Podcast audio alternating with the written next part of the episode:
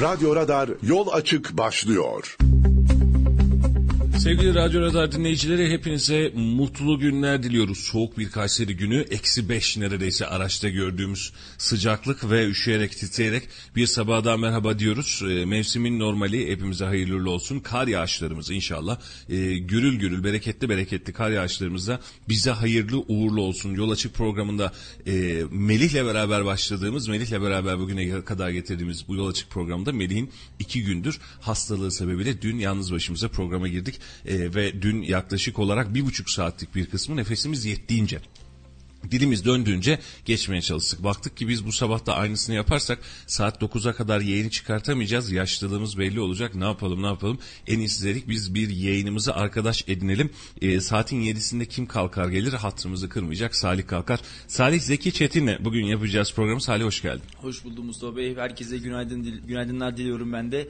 Yazın o sıcaklığını hatırladıkça şimdinin bu soğuk havaları, karın bereketi gerçekten hiç e, en azından içimizi üşütmüyor öyle söyleyelim. Kar yağsın ki bereketli topraklarımıza birazcık en azından can suyu olsun. Ee, yazın hayvanlarımız, tarım yapan işçilerimiz, çiftçilerimiz birazcık daha rahat etsin diyelim ve size de iyi yayınlar diliyorum. Ama müthiş bir soğuk değil mi Salih'cim? Yani e, zorlanıyoruz. Bu arada canlı yayında bir uçtan bu taraftan açıyorum. Kusuruma bakmayın ses bir anda ondan yükseldi.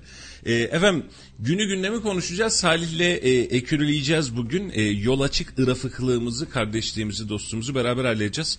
E, ama önce şu meşhur selamımızı bir gönderelim. Sabahın bu saatinde kalkan, okula giden, işe giden tüm e, iş e, emekçi kardeşlerimize, e, okula gitmeye çalışan öğrenci kardeşlerimize Allah kolaylıklar versin diliyoruz. Özellikle böyle bir soğuk havada e, hayata hareket etmek, o ekmek parasını rızka hareket etmek gerçekten herkes için ayrı bir marifet, ayrı bir maharet. Özellikle gece saatlerinde mesaisini yeni bitirmiş, vardiyayı yeni doldurmuş e, ya da gece çalışıp sabah yemekleri hazırlamış, poğaçaları hazırlamış o e, bizi doyuran, bizi besleyen meşhur arkadaşlarımızın da her birine ayrı ayrı selam olsun. Sabahın bu saatinde biz bu soğukta acaba dışarıda ne yaparız, arabaya mı girsek, otobüse mi gitsek derken pazar yerlerinde, hallerde bir şekilde üstlerine kalın kalın giyinmek kaydıyla yerlerde, sokaklarda ateşler yakarak e, hayatı tutunan, e, ekmeğinin peşinde koşan tüm kardeşlerimize, tüm emekçilerimize, tüm işverenlerimize, her birine ayrı ayrı selam olsun. E, efendim yeniden hoş geldiniz, sefalar getirdiniz. 91.8 Radyo Radar'dasınız. Günü gündeme ekonomi, birazcık Kayseri, birazcık ulusalı değerlendireceğiz. Kayseri'de de çok hadise var diyemeyeceğim. Çok fazla hadisemiz yok ama ulusalda ciddi anlamda hadiseler var, malzemeler var. Gelirken şunu söylemek isterim geçmeyenler için. Hulusi Akar bulvarındaki alt geçidimiz dün itibariyle açılmış. Ben de sabah siftahını yaptım. E, açılmış yapanların, e, emek verenlerin e, emeklerine, yüreklerine sağlık. E, içinden geçince muhtemelen kardeşlerimiz şöyle diyecek. Ya biz bir yıl buna mı bekledik diyecekler ama alt geçit dediğim böyle bir şey oluyor. Yani alttan giriyorsun, üstten çıkıyorsun. işte 50 metre sonrasında, 100 metre sonrasında çıkıyorsun. Hepsi bundan ibaret. Evet birazcık trafiği kilitledi. Birazcık berbat etti. Birazcık böyle biz her gün, her sabah söylendik. Ya yapamadınız, bitiremediniz filan dedik. Ama canları sağ olsun. Sonunda bitti mi? Bitti. Hulusi Akar Bulvarı'nda o mix kavşağı dediğimiz, Furkan Doğan Yurdu kavşağı dediğimiz alanda artık bir alt geçitimiz var. Alkış efektimiz olsa arada girerdik Hüseyin'cim ama onlara ihmal ediyoruz arada. Gönüllerimizden alkışlıyoruz. Tabii gönülden alkışlıyoruz. Teşekkür ediyoruz. Ellerine kollarına sağlık. Bu Kayseri için önemli haberdi. Dün kar yağışı vardı. Vatandaşlarımız sayfadan da takip etmişlerdir. E, kar yağışı çok az miktar gün içerisinde serpiştirdi belli noktalarda. Dün ise İldem tarafında bu kar yağışının daha yoğun olarak bir miktar görüntüğünü gördük. Ee, ama e, anlık herhalde gelişti ki diye böyle bir iyi niyetli bir temennide bulunmak istiyorum. Ee, yollarda araçların kaydığını, e, çevre yolda araçların kaydığını gidemediklerinde görmüş olduk. E, bu anlamda yetkililer ne kadar hareket etti ilerleyen saatlerde bu mağduriyeti giderdiler muhtemel itibariyle ama özellikle akşam saatlerinde, akşamüstü saatlerinde Kayseri kar yağışı gören tüm bölgelerde tabiri caizse kilitlenmiş oldu. Evet aslında bir nevi sınıfta kaldık da diyebiliriz. En azından e, mevsimin ilk kar yağışıydı Sayın Bayram ve şöyle bakacak olursak e, Kayseri'lere de gelen ve paylaşılan gönderilere e, birçok noktada aslında kar yağışı etkili oldu. Vatandaşlar zaman zaman zor anlarda yaşadı. Hatta öyle ki e, vatandaşlar kendi çabalarını, kendi çözümlerini birçok noktada kendileri de buldular. E, poşetlere doldurdukları tuzları yollara dökerek aslında kendilerinden sonra geçecek vatandaşlara en azından bir noktada fayda sağlamak adına bir şeyler yapmaya gayret gösterdiler. E, ama sabah gelirken dünkü karlı havadan eser yoktu. Yollar açıktı. E, arabaların üzerinde en azından kar yoktu. Demek ki e, yalnızca yoğun kar yağışı olduğu zamanlarda ve olduğu bölgelerde değil, kış aylarında Kayseri'de ve Kayseri gibi bölgelerde yaşıyorsanız ve eğer bir belediyeseniz, bir büyük şehirseniz veya bir ilçe belediyeseniz her daim teyakkuzda kalmanız gerektiğinde dün bir kez daha anlamış olduk. E, Dün gerçekten not tam olarak buydu Saadet'ciğim. Yani e, bize gelen görüntülerden her birinin alanında değildik. E, ara sokaklarda, ana arterlerde dahil. Şimdi e, belediyeleri biz şu anlamda daha az eleştiriyoruz. Mesela ana arterler açık ama ara sokaklarda ya olabilir böyle hani yetişmeye çalışıyorlar filan deriz. Bunu özellikle yoğun kar yağışı olan zamanlarda söyleriz. Ama dünkü yaşanan kazaları e, ve buzlanmaları hesap ettiğimizde ki karayolları da bu anlamda e, sıkıntılı bir süreç yaşamış oldu. E, Kuzey Çevre Yolu dediğimiz bölgede ciddi hem kazalar meydana geldi hem e, araçlar yolda kaldı hareket edemedi. E, bugün lazım bize karlama aracınız, buzlama aracınız, araç takviyeniz bize bugünlerde lazım. Yani yaz gününde siz karlama araçlarıyla buzlama yaptık dediğinizde bize bir faydası olmuyor. E, özellikle İldem, Yeşilyurt çevre yol e, güzergahında bunu fazlasıyla yaşadık. E, kar e, mesela ben Talas'tayım. E, kar e, akşam yoğun miktarda yoktu. Hafif e, atıştırdı. Hafif yollarda böyle bir beyazlanma gerçekleştirdi ama devamı gelmedi. Şimdi e, bu anlamda Talas'ı ya da başka bölgeleri gelmediği için yani siz de bunu buradan yapmışsınız diyemeyiz ama e, var olduğu için İldem bölgesinde ve kuzey çevre yolunda da aynı sıkıntıyı yaşadığımızı görüyoruz. Kuzey çevre yolunda yaşadıysak Koca Sinan'da da normal şartlarda yaşamamız gerekiyordu. Bir şikayet gelmedi. E, var mıydı yok muydu bilmiyorum ama bize ulaşan bir şikayet yoktu. Demek ki yol kontrolleri ya da yol açılmaları bir şekilde e, burada da en azından buzlama önleyici çalışmalarda yapılmış. Ee, geçmiş olsun önümüzdeki günler daha çetin geçecek. Ee, yollarda karlanmalar meydana gelecek, buzlanmalar meydana gelecek. Hatta sürücülerimizden özellikle rica ediyoruz geçiş hatlarınızda, geçiş güzergahlarınızda gizli buzlanmalar artık meydana gelebilir. Hatta birileri yanlışlıkla su dökmüş olabilir, herhangi bir tesisat patlamış olabilir ya da sokaktaki bir çek, çeşmenin yanından geçerseniz bu saatte sular dahi donduğu için e, patlamış olabilir, yola akmış, yola sızmış olabilir. Lütfen sürücülerimiz de dikkat etsinler. Kışlık lastikleri olmadan mümkünse yola çıkmasınlar. E, çıkıyorlarsa da daha dikkatli, daha seyir güvenliği yüksek bir trafiğe ihtiyacımız var. Diğer türlü e, sıkıntı yaşayabiliriz. Can ve mal kaybına sebep olabilen kazaları yapabiliriz. Çünkü e, bu yollarda yapabileceğiniz 30-40 kilometre hızlarda dahi aynı süreci yaşıyoruz. Yani yol kaygan ve tehlikeli. E, buna çok fazla dikkat etmek lazım. Sürücülerimiz de yeniden uyanmış olalım. Ulusal gündeme bakalım mı? Tabii. Birazcık yerele yeniden döneriz. Yerel akşam böyle önemli bir kar yağışıyla atlattı kendini. Ee, şu an öğrenci arkadaşlarımız muhtemelen kar tatili var mı diye acaba diye bakacaklar ve bize soracaklardı. Ama bir baktılar ki dışarıda bir şey yok, kar yok. Ama niye soracağız şimdi? Sorsak da ağzımızın payını alacağız. Yapacak bir şey yok diyecekler. Ne yazık ki öyle. Ee, Konya bölge Konya'da dahi dibimiz sayılabilecek mesafede İç Anadolu'nun ortasında kar tatili olurken e, biz burada kar tatilini bırakın karı göremedik. E, kardan adam yapamadık neredeyse şehir içerisinde. Bunun da sıkıntısını, bereketsizliğini yaşıyoruz. İnşallah ön- önümüzdeki günlerde hepimiz için sağlıklısı olur ve kar yağışıyla da karşı karşıya kalırız. Ulusal'a bakalım. Serçim, Ulusal'da neler olmuş? Önce bir borsayla başlayalım. Gerçekleştirilen operasyon başarıyla tamamlandı. Dün e, yayında söylemiştim. E, Türkiye tarihinin hatta dünya tarihinin görüp görebileceği en nadir operasyonlardan birisi gerçekleştirildi. Yapanları, organize edenleri, bu fikri düşünenleri tebrik ediyorum samimiyetle. Bunu e, dün bir vatandaşımız yazmış. Abi dalga mı geçiyorsun demiş. Hayır dalga geçmiyorum. Cidden samimiyetle tebrik ediyorum. Ben böyle bir açılım, böyle bir yapılanma, böyle bir hani akşam saatinde açıklama, açıklamayla beraber dövizin düşmesi, sosyal medya hareketleri, filmler, gurgular filan ben böyle bir şey görmedim. Dünya tarihi de muhtemelen görmedi. E, dünya tarihini bilmem ama Türkiye tarihine kesin geçer. E, bir akşam e, Bakanlar Kurulu sonrası konuşma e, çok yönlü bir operasyon, çok yönlü bir algı ve uygulama ve sermaye gücüyle beraber dün e, 18-19 liralar civarından konuştuğumuz doları dün sabah saatleri itibariyle 11 liraya kadar düşürdük. Y- %50'den fazla bir düşüştü. Ve tüm memleket büyük bir bayram havasındaydı. Hatta e, Antep'te miydi, Konya'da mıydı davullu zurnalı? Malatya'da. Malatya. Malatya'da davullu zurnalı vatandaşlar kutlamalar yapmış. Esnafın bir tanesi poğaça dağıtmış filan. Hepimiz çok mutluyuz. O ne hala ne güzel. E, mutlu muyuz? Evet ben mutluyum şahsen.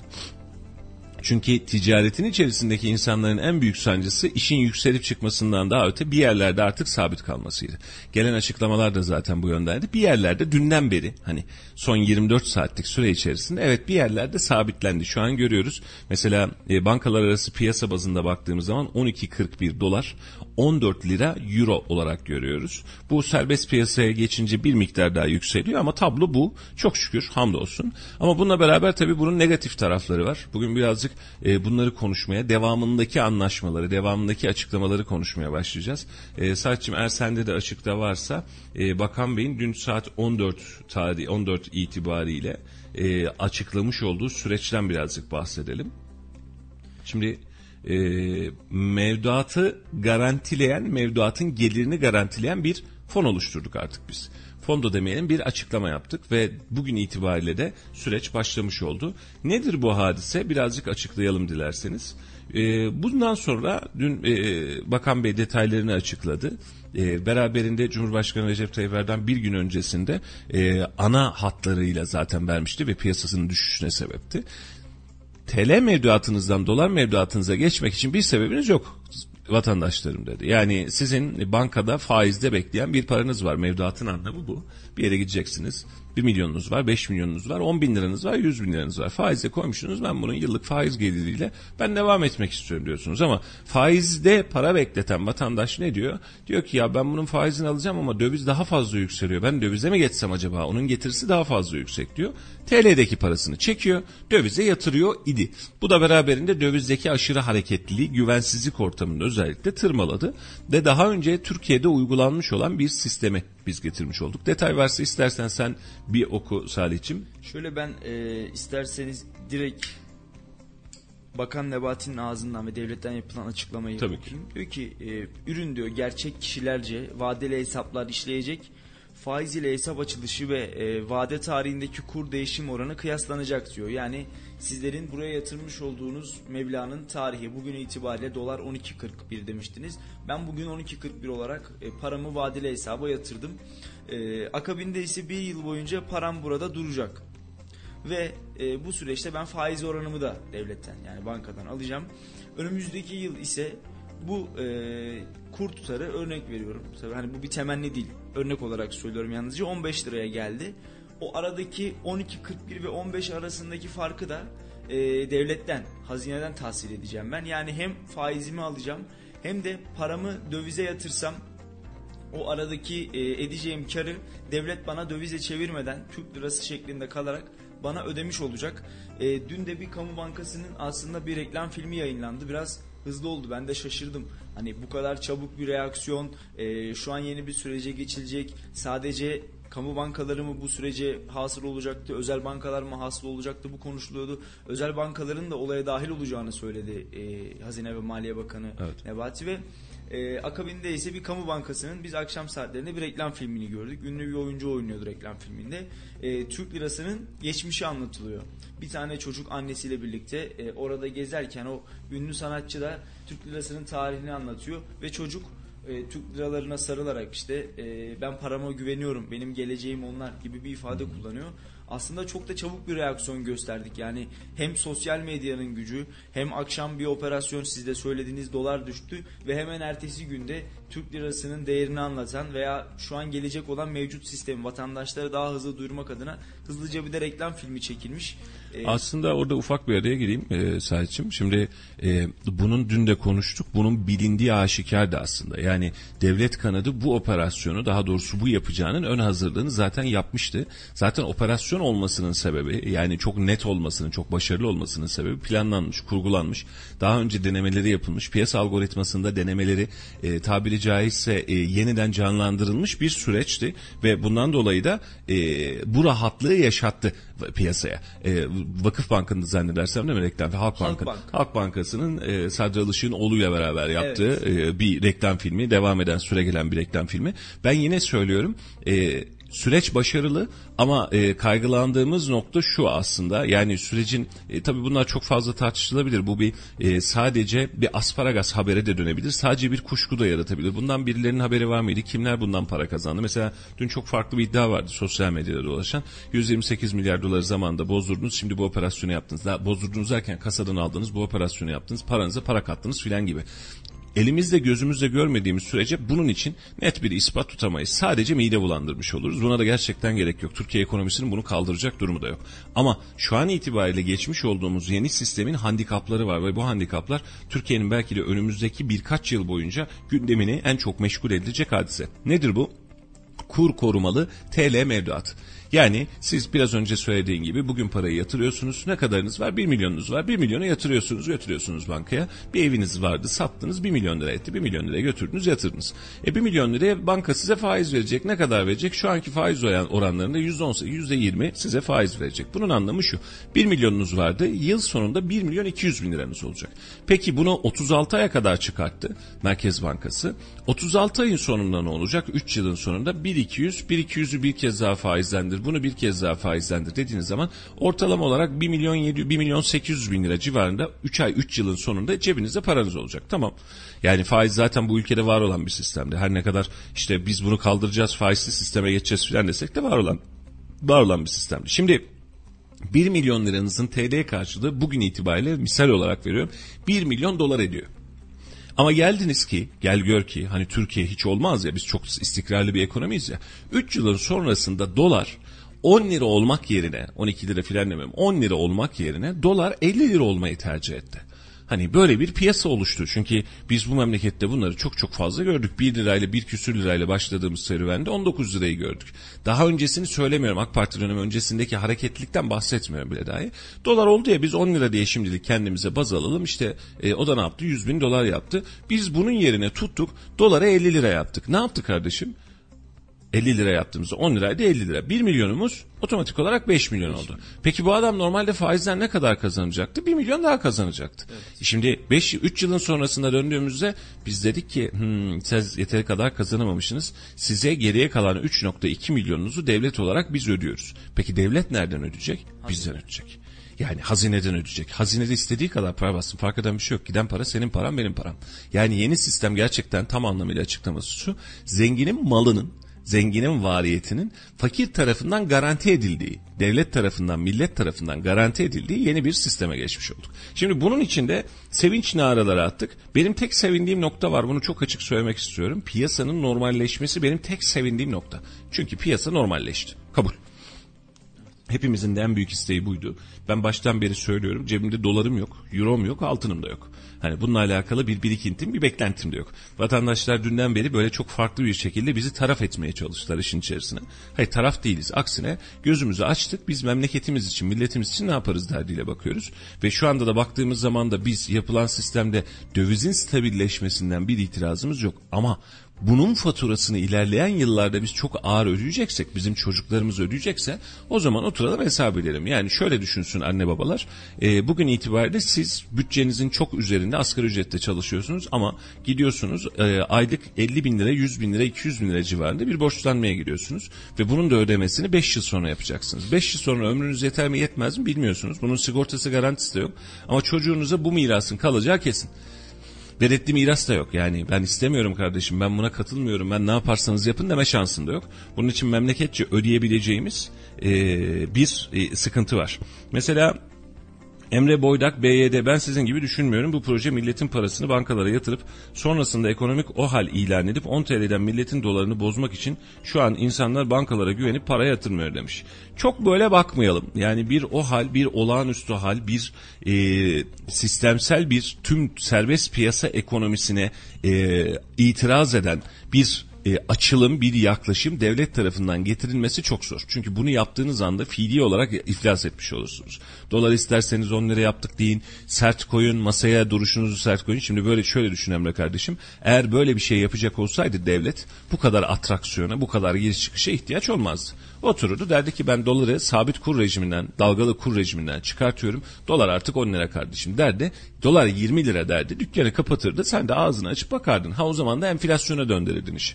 Ülke bunu ya daha önce yaşadı mı? Yaşadı. Ülke de bunun finansmanını kendisinden bir şekilde çıkartmaya çalıştı. Hani böyle çok karamsar, uç, ütopik tablolara geçelim ama anlık olduğumuz aldığımız kararları bugün biraz önce yaşadığımız hadise Salih'cim. Siz akşam tuzlama yapmazsanız yolda kalırsınız. Nokta. Şimdi böyle bir karar alırsanız belli bir süre sonra 3 gün sonra 5 gün sonra değil belli bir süre sonrasında biz bunun vebalini ceremesini milletçe öderiz. Bunun olmamasının tek bir alternatifi var. Tek bir alternatifi dolar ne kadar şu an 12 lira. 12-13 yani %10 %20 maksimum bant arasında giderseniz bir yıl içerisinde bundan zarar görmezsiniz. Devlet buna güvenerek bu işi çıkarttı. Tabii ki güveniyordur. Yani tabii ki şu an siz hükümete de sor, sorsanız bizim enflasyonumuz bu faizimiz bu bizim çıkacağımız yer belli ne yapıyorsunuz abartıyorsunuz kardeşim biz ancak der. Ama biz hangi ülkede yaşadığımızı biliyoruz. Esnafa yıllarca dövizle borçlanmayın bak batarsınız dediğimizi biliyoruz. Esnaf bunu bizzat yaşadı çünkü daha önceki krizlerde. Ama şu an devlet olarak biz dövizle borçlanmıyoruz, borç da almıyoruz. Dövize borçlanıyoruz. Yani senin paran için sana borçlanıyoruz. Senin paran var. Ya sen problem etme ben her türlü hallederim. Sen bana güven diyoruz. Piyasa normalleşsin diye. Piyasayı normalleştirirken biz faiz indirimi yaparken dolaylı yoldan faiz arttırımı yapmış olduk ve piyasa bir nebze rahat aldı, nefes aldı, e, sermaye nefes aldı ve hep beraber de bugünlerin gelecek günlerini görmeye çalışacağız. Aslında birazcık e, dün Bakan Nebati de bir canlı yayına katıldı. Herhalde aylar sonra en rahat e, ekranda gördüğümüz e, Maliye Bakanı'ydı. En azından para piyasaları ile ilgilenen, e, yüzü gülen, bir böyle başarı elde etmiş veya şu anda eleştiri oklarından uzak olarak açıklama yapan bir Maliye Bakanı gördük. E, şunları söyledi. Fırsatçılık yaparsan bizim nasıl bir bakanlık olduğumuzu anlayacaksın dedi Bakan Nebati ve kurda gerçek fiyatlanmanın oluştuğu bir noktaya doğru gidiyoruz dedi. Aslında kurdaki bu şişikliği de bir köpüklenme olarak, bir e, şişkinlik olarak yorumlamıştı. Hı hı. E, bunu tabii ki ilerleyen süreç gösterecek ama ben hani en azından kendim anlamadığım için e, Sayın Bayram size de şunu sormak istiyorum. Şimdi 2023'te bir seçim var önümüzde ve olası bir iktidar değişiminde, sandık vatandaşın önüne geldiğinde, olası bir iktidar değişiminde bir sonraki hükümet dese ki ben bu sistemi istemiyorum. Ben yeniden eski sisteme döneceğim ve e, vatandaşımın orada duran parasının döviz farkını ben ödemek istemiyorum dediği anda vatandaşlar paralarını vadede olduktan sonra bankalardan çekmeye başladığında e, doların hareketi ne olacak, bizim hareketimiz ne olacak, bu arada kaybettiğimiz zaman dilimi ne olacak? O zaman piyasa tekrar tepe taklak olmaz mı? Bu, bu mecburen olacak saçım. Yani bu sistem bir ömür evladiyelik geçmez. Yani böyle bir garanti mantığı, garanti formatı e, mantıklı da değil, izaha da mümkün değil. E, ben bundan korkmuyorum. Yani yarın bir gün yeni bir hükümet geldi ya da bu hükümet dedi ki ben vazgeçtim bu sistemden e, ya, ya, yapmıyorum dedi. Tam problem değil yapmazsan yapma. Anlık olarak dün yaşadığımız ondan önceki gün yaşadığımız dalgalanmaya benzer bir dalgalanma yaşarız. Eğer ekonomi ve üretim iyiyse de biz bu dalgalanmayı bir şekliyle açarız.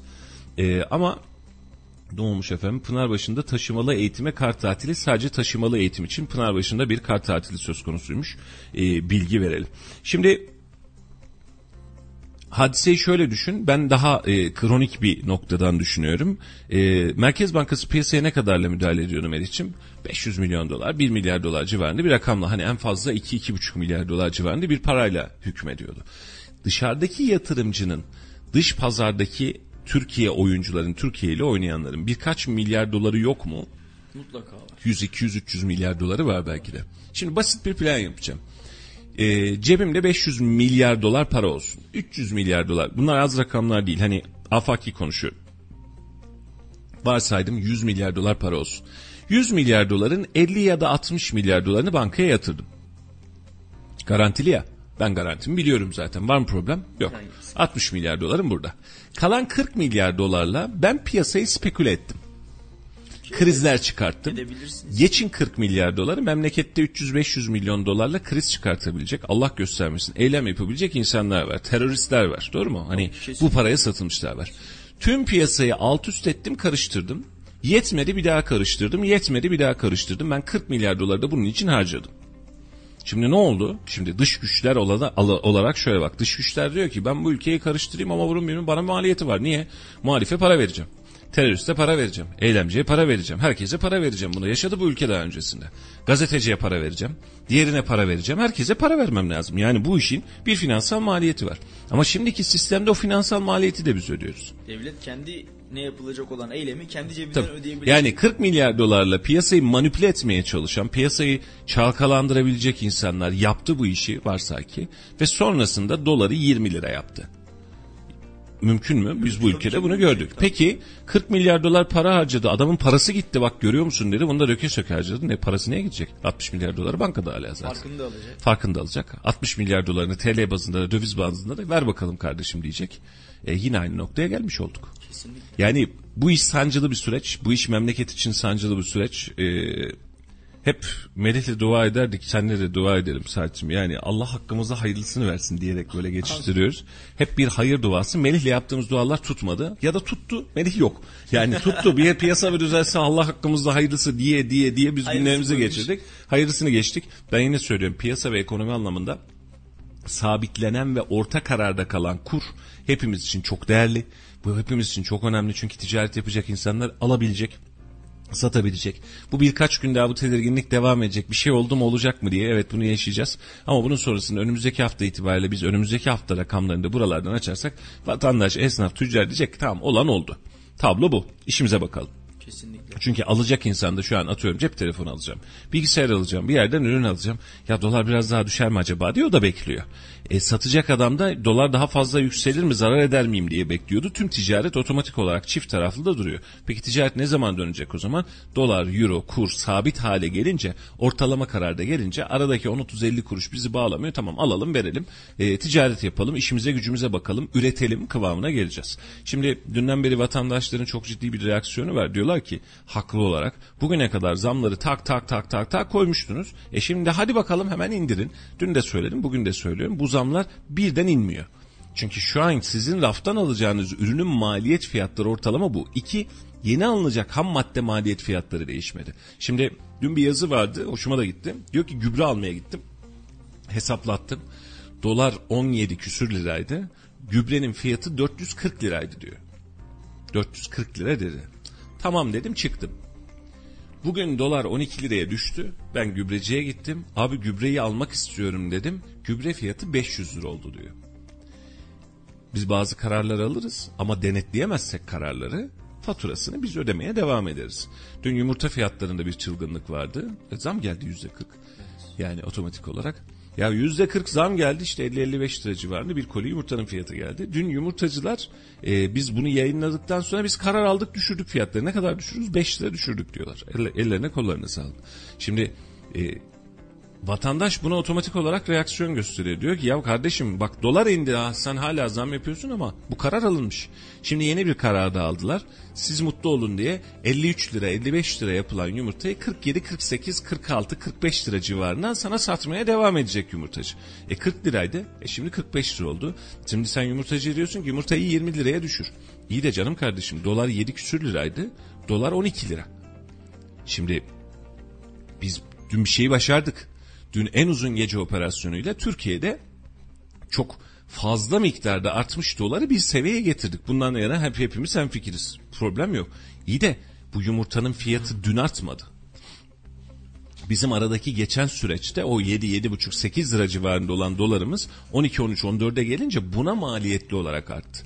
Yani evet o köpük fiyatlar bakanın söylediği gibi köpükten bir miktar azaltma yapacağız ama fiyattaki köpükten de bir miktar azaltma yapacağız. Yani fiyatı yeniden ana çıplak haline o eski bildiğimiz standart haline dönüştürmemiz çok da mümkün görünmüyor. Aslında bir ay önceki dolara bakacak olursak 11.42 hatta biraz daha eskiye gidecek olursak 7 lira 8 lira sizin de söylediğiniz gibi yıl başında e, yıl içerisinde biz bu doları 6 liralarda 6,5 liralarda da görmüştük.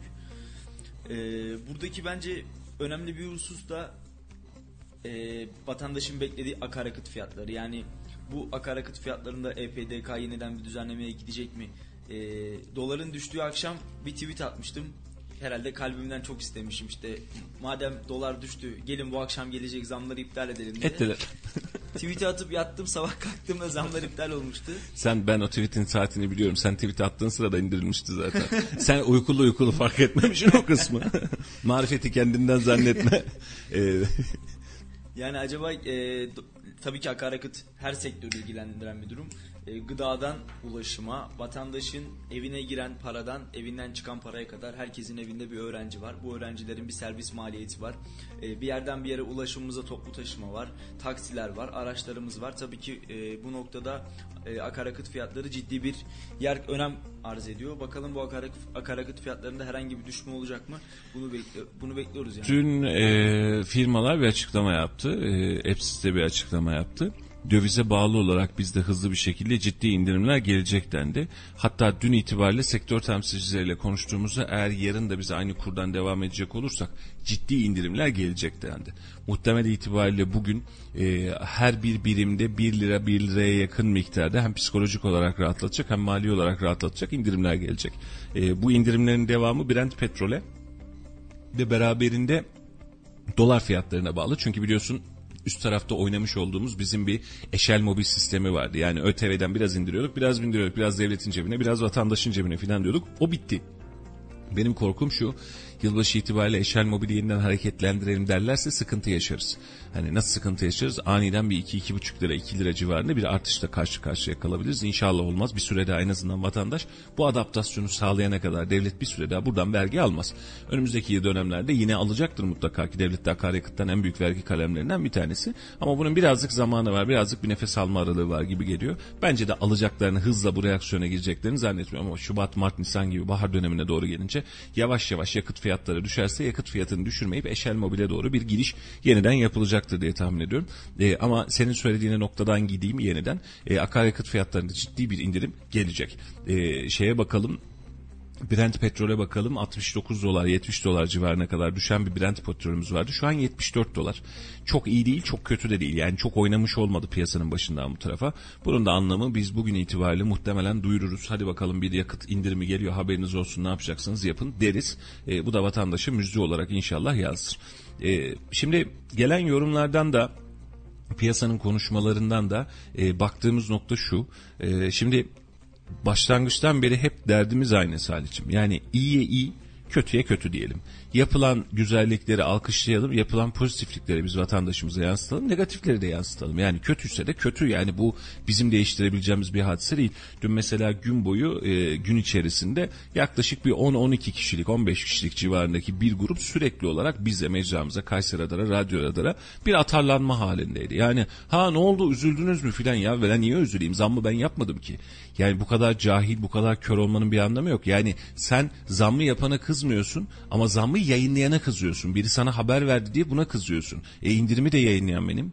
Bak şu anki indirimi de yayınlayan benim. Şu anki kuru da yayınlayan benim. Yani nasıl bir telaştır bunu anlamıyorum. Bu başka bir cahillik zaten. Buna yapılacak bir şey yok. Ama mesele şu. Memlekette bir şeylerin düzgün gidebilmesi ve doğru kararların alınabilmesi için milletçe hareket etmemiz gereken noktalar var. Elimizi taşın altına koymamız gereken noktalar var.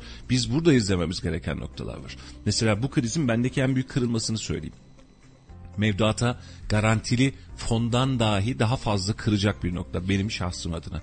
Şimdi TÜSİAD'a ey TÜSİAD dedik. Hatta yetmedi. Odalar Borsalar Birliği Başkanı Rıfat Hisarcıklıoğlu'na da çaktırmadan lafı gömdük. Siz bu açıklamaları yaptınız. Biz görmedi değiliz biz bunları not alıyoruz dedik. Bunun anlamı şu. Dün de söyledim bugün de aynısını ısrarla söylüyorum. Başımıza ne gelecekse de problem değil. Sivil toplumun üzerindeki oluşturulacak bu baskı demokrasinin son noktası. Şimdi siyasi partilere karşı ey Kılıçdaroğlu dersiniz. Ey Meral Akşener diyebilirsiniz. Problem yok. Bunu, bunda gerçekten problem yok. Hani niye? O da size ey Tayyip diyor. Geçiyor gidiyor. Ey Recep diyor geçiyor gidiyor. Yani bunda yapılacak bir şey yok. Siz karşılıklı münazarınıza devam ediyorsunuz. Ama sivil toplum sizle aynı klasmanda e, bir karşı taraf değil. Ve sivil toplumun üzerine yükmüş, yıkmış olduğunuz yeni yük sizin sivil toplumsuz, konuşanın olmayan bir toplum altyapısı inşa etmek istediğinizi gösteriyor. Bu çok üzücü, bu çok kırıcı. Medyada da çok gündem olmadı. Diğer kısımda da gündem olmadı. Niye? Daha önce ey TÜSİAD dediği noktadan vatandaş yürüdü. Ey TÜSİAD gördün mü boyunun ölçüsünü aldın mı? TÜSİAD ne yaptı? TÜSİAD ne yaptı? Dolar o mu arttırdı? O mu indirdi? Paraları o mu çekti? Son gün operasyonu mu yaptı? TÜSİAD ne yaptı?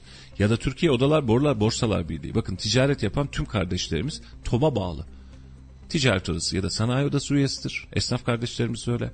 E, bu otomatik olarak Türkiye Odalar Borsalar Birliği'ne sizin bağlı olmanız anlamına geliyor. Yani sizin üyesi olduğunuz bir kurum var. Sizi temsilen bir kurum var. Ve Rıfat Bey'in yaptığı açıklamada da absürt hiçbir durum yok. Acil önlemler alınmalı, bir şeyler yapılmalı demiş. Önlemin adını da vermemiş. Yani faizi düşürmelisiniz, arttırmalısınız filan dememiş.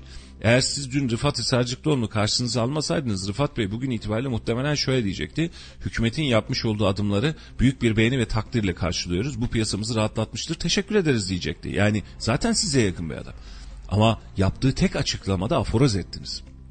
Bu krizin bendeki en büyük sancısı sivil toplumu zaten yerle yeksan olan, zaten hareket edemeyen, etmekte tedirgin olan sivil toplumu bir kez daha alaşağı etmesiydi.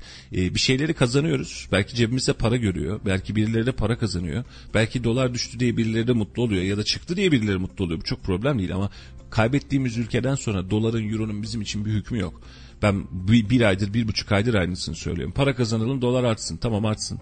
Cebinde 1 milyar dolar olsun problem değil ki. Sokağa kafanı uzatamadıktan sonra, komşun rahat edemedikten sonra, çocuğun bu memlekette yaşatamadıktan sonra bir anlamı yok ki var olan paranın.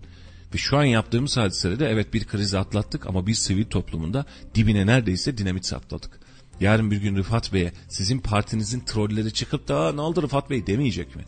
Onu bir sonraki seçimde alaşağı etmek için elinden gelen her şeyi kendine görev ifa etmeyecek mi? Bu mu yapmamız gereken hadise? Yani siyaset sivil toplumu yönetiyor. Normalde sivil toplumun siyaseti yönetmesi lazım. Ne anlamda? Bakın burada yanlış var, burada doğru var. Memlekette bu eksik, tuzumuz yok, ayranımız yok, ekmeğimiz yok, yemeğimiz yok. Bak bunu böyle yaparsanız buradan çıkmaz. Bakın size proje getirdik, bizim sektörel olarak buna ihtiyacımız var filan demesi gereken bir haldeyken yapılan en basit açıklamada aforoz ettiğimiz bir sivil toplum var. En büyük üzüntüm e, yok ettiğimiz demokrasi anlayışının bir kez daha altını çizmiş olduk. Bu benim için gerçekten e, açık söylemek lazım. Ciddi anlamda kaygı verici. Ben burada şunu ilave etmek istiyorum. Geçtiğimiz haftalarda hem e, Recep Bağlamış'ın hem de diğer STK başkanlarının bu noktadaki kendi sancılarını dile getirmesi bizler için umut verici bir ifadeydi. İşte e, evet tarımda iyi gidiyoruz ama şunların da yapılması gerekiyor. Evet et fiyatlarında şöyle bir düzenleme yapılması gerekiyor. Yahu benim çiftçim üretemiyor diyen STK başkanları görmüştük ve bunları haberleştirmiştik. E, açıkçası Kayseri gibi e, muhafazakar ve e, AK Parti'nin ciddi oy kitlesi olan bir yerde STK başkanlarından böyle açıklamalar görmek beni mutlu etmişti. Çünkü sizin de söylediğiniz gibi sivil bir toplum demokrasinin en önemli temel taşlarından bir tanesidir. Ve bugün gelmiş olduğumuz noktada belki de e, Rıfat Hisarcıklıoğlu üzerinden de diğer STK'lara ya kardeşim bakın birazcık daha bir şey söylerseniz işte sorunuz böyle olur. Biz görmezden geliyoruz ama hepinizin ne yaptığını biliyoruz. Açıklamalarınızı biliyoruz. Yani bir yerde e, ava altından da sopa gösterilmiştir. Bugün dün Cumhurbaşkanı Sayın Rıfat Hisarcıklıoğlu'na yüklendi. Yarın da AK Parti'nin mevcut bir üyesi çıkıp da e, Recep Bağlamış'a yüklenirse herhalde hiç kimsenin garipseyeceği bir durum olmaz. Beklenen tablo bu. İyi niyetli eleştirileri alıyoruz ama diğerlerinde hepsini tek tek not alıyoruz dedi. Bir e, hamaset duygusu var. Bir böyle bir düşmanlık, kin duygusu var. Şimdi dünkü yapmış olduğunuz operasyon Türkiye'yi yeniden e, eski halinden de öteye o ne kadar parlak, ne kadar rahat dönemini falan getirmedi. Şimdi sosyal medyada bol gezdiği için rahat anlatıyorum. Dolar 8 liradan 18 liraya çıkınca 18 liradan 12 liraya 13 liraya inince aradaki marifet bu. 8 liraydı bir dolar. Şimdi eğer dolar ekonomisi ise baktığımız nokta. Vatandaşın sıkıntısı ne oranda geçti? Hiçbir oranda geçmedi. Vatandaş sizin vaat etmiş olduğunuz yeni asgari ücreti de henüz ulaşmadı. Zamlı tarifiye de ulaşmadı. Şimdi açık söyleyeyim. Dolar 18 liradayken 4250 lira almak mı? Dolar 10 liradayken 12 liradayken 4250 lira almak mı? Tabii ki ciddi fark var. Çünkü bizim baştan beri söylediğimiz hadisede hep bu vardı. Asgari ücreti 200 doların altına düşürme çabasıysa bu vatandaşın ezilmesi anlamına gelir. Bak bunun içinden biz çıkamayız vatandaşın alım gücü düşer. Rahat edemez. Yani vatandaş çünkü bizim tek derdimiz o. Yani siyaseten Kemal Kılıçdaroğlu'nu da biz aynı dille eleştiriyoruz. Bakın şimdi yeniden manifesto geçmişler. Yine aynı eleştirileri getireceğim. Meselem bu değil ki benim. Ya da İyi Parti ya da başka bir parti değil ki. Ya bize ne partiden? Biz milletçe neredeyiz? Nerede duruyoruz? Milletçe halimiz ne olacak? Biz bunun derdindeyiz. Şimdi kendileri alıştıkları için her şeyi siyaseten irdelemeye, siyaseten anlatmaya, siyaseten bakmaya. Şu anda da baktıkları perde tam anlamıyla siyaset. Her şeyi siyaseten bakıyorlar. Ama şimdi e, siz doları düşürdünüz. Elinize kolunuza sağlık yine söylüyorum. Önemli bir operasyon. Çok önemli bir operasyondu. Çok da başarılı bir operasyondu. Takdire şayandı. Yani kim ne derse desin. Peki e, sokaktaki vatandaşın, çiftçinin e, ürüne, yeme, benzine, gaza, petrole ulaşmasını değiştirdi mi? Mesela basit özelliklerle gideceğim. Ee, doğalgaz, sanayi doğalgazına yapmış olduğumuz zam vardı biliyorsun. Yüzde yüz aşkın zam yaptık. Geri aldık mı? Hayır. Sanayide üretilen cam hala aynı fiyattan gidiyor. Fayans hala aynı fiyattan. Demir hala aynı fiyattan gidiyor. Neyi değiştirdik? Değişecek. Tamam biz bekliyoruz bunu. Buradan yana problem yok. Ama şu anda yaptığınız tek hadise şu. 18 liraya çıkmış çıldıran bir e, doları normal seyrine getirdiniz. 13 lira, 13,5 liralar sizin Merkez Bankası olarak daha aşağı tutmak için müdahale ettiğiniz rakamlardı. Algı da ve olgu da komik. Şöyle ki komik Saadet'ciğim. E, şimdi diyorlar ki dün 1 milyar dolar civarında rezerv bozuldu. Çok iyi. Tamam elinize kolunuza sağlık. Merkez Bankası 2,5 milyar dolarla 10 dakika tutamadı kuru. 1 lira aşağısına indiremedi. Ama siz milyar 1 dolarla milyar, aynen, siz 1 milyar dolarla 5-6 lira kurda indirim yaptınız. Biz de inandık. Şimdi bu sadece 1 milyar dolar değildi. Siz bir, başta örtülü bir faiz desteği verdiniz. Faiz düşüreceğim tamamen nas böyle diyor dediğiniz faize dediniz ki siz bankada faizle paranızı tutun biz size gereği neyse vereceğiz dedik. Şimdi adam zaten tutuyordu. Adamın parası zaten faizdeydi. Adam zaten bu parayı faize ve ekonomiye katmıyordu. Biz bu adama dedik ki bundan 3 ay öncesinde faiz yok dedik. Faizi düşüreceğiz biz dedik. Herkes panikledi ya faiz düşecek ne yapacağız dedi bir pozisyon almaya çalıştı. Hop hareketler filan biz üst üste ısrarla 2 ay önce dedik ki faiz istemiyoruz, faiz istemiyoruz, düşük faiz, düşük faiz, düşük faiz dedik. Dedik mi? tabii dedik. Kabul. Düne geldiğimizde dedik ki sen paranı faizde tut, TL olarak tutmak kaydıyla garantisi benden sıkıntı yok. Ben sana her türlü eğer öyle bir sıkıntın olursa paranı veririm dedik. Peki faize karşı olmanın sebebi nedir Saatçım? Dini değerler. Başka? Ekonomik anlamda nedir? E, devletin üzerine yüklediği yük, hazineden çıkacak para yani bir, bir yerde biz basılmamış, üretilmemiş bir parayı karşımızdakine vaat ediyoruz. Şimdi faizin en büyük handikapı şudur. Siz bu parayı piyasada kullanamazsınız. Faizdeki para iki türlüdür. Ya bankadadır ya tefecidedir. Banka kendine sabitler. Bu para piyasada dolaşmaz. Sadece bankanın kasasındadır. Banka sadece bu işten mevduatlanır, hallenir ve karşı müşterisine de bunun farkını piyasasını verir. E siz bunun o bankada ne yapar? İşte devlet tahvil alır vesaire yapar vesaire yapar bir şekilde bir havuz ve sepet oluşturur. Eskiden üretim yapardı mesela ne günlerdi. Hani şu fabrikaya ortak oldum derdin sen iş bankasına para yatırınacak. O kazın ayakları değişti. Neyse o kısım problem değil. Şimdi faiz faizi düşürmemizin en önemli sebebi şuydu. Bir, e, yatan parayı ortaya çıkartmak faiz düşürmesinin en önemli sebebidir. İnsanlar bedavadan para kazanmasın demek. Bu paranın piyasaya dönmesi, işe, güce, istihdama, ekonomiye dönmesi, katma değerli ürün üretmesi, arayışa girmesidir. İki, tefeciliği yok etmektir tefecilerin eline doğabilecek günleri yok etmektir. Yani bizim faize karşıyız dememizin, dinimizin de faize karşıyız demesinin sebebi bu. Çünkü diğer türlü şöyle düşün, işte 10 milyon param var kenarda, at faizi abi, her türlü zaten garantisi var. 10 milyon paranın içerisinde de zaten yiyebileceğin para yıllık olarak fazlasıyla çıkar. Artan parayı yeniden üstüne koy, 5-10-20 sene sonrasında çocuğuna bugünün parasıyla 50 milyon bırak kalk git. Adam niye çalışsın ki?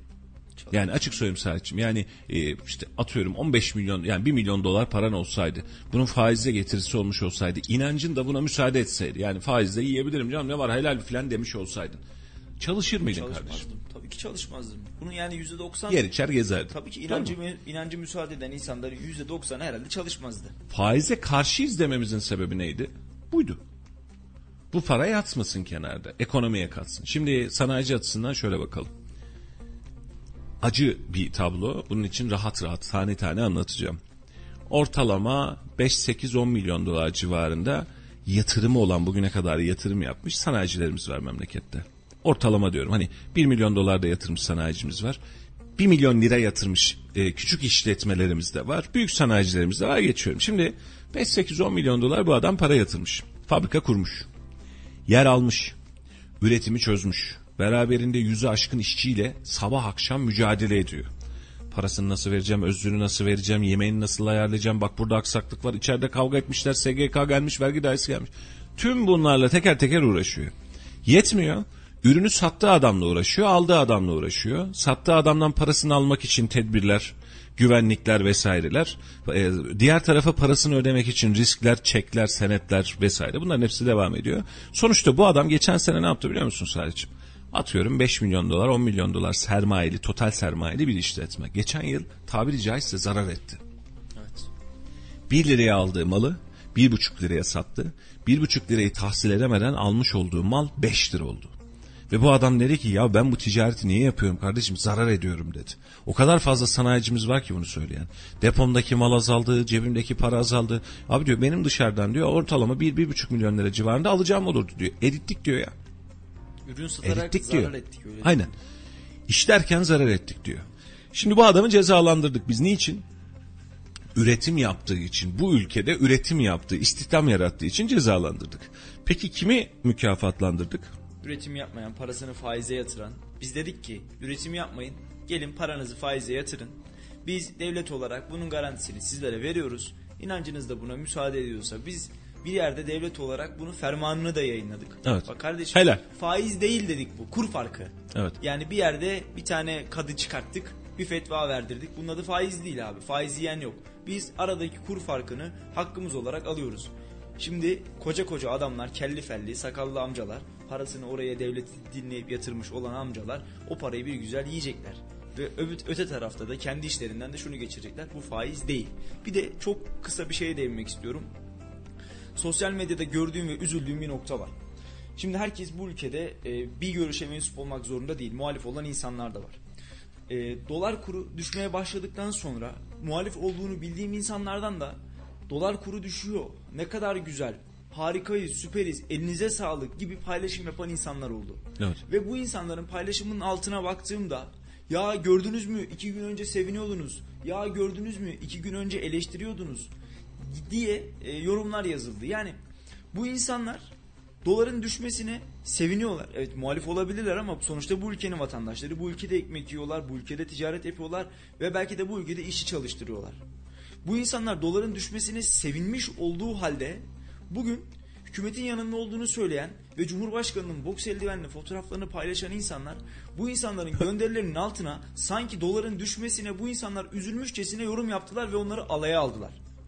Bunlar da sosyal medyada gerçekten benim şahsım adına üzüldüğüm noktalar. Ya işte bu bu bu algı kargaşasında bu var. Yani dolar çıkarken dış minnaklar, dolar düşerken reis çok yaşa. Şimdi bunu yapan zihniyet, bunu yapan mantık şu anda da şunu söylüyor. Ha ne oldu gördünüz mü? Ya kardeşim kurban olduğum. Senin cebindeki dolar kadar benim cebimde dolar yok belki de.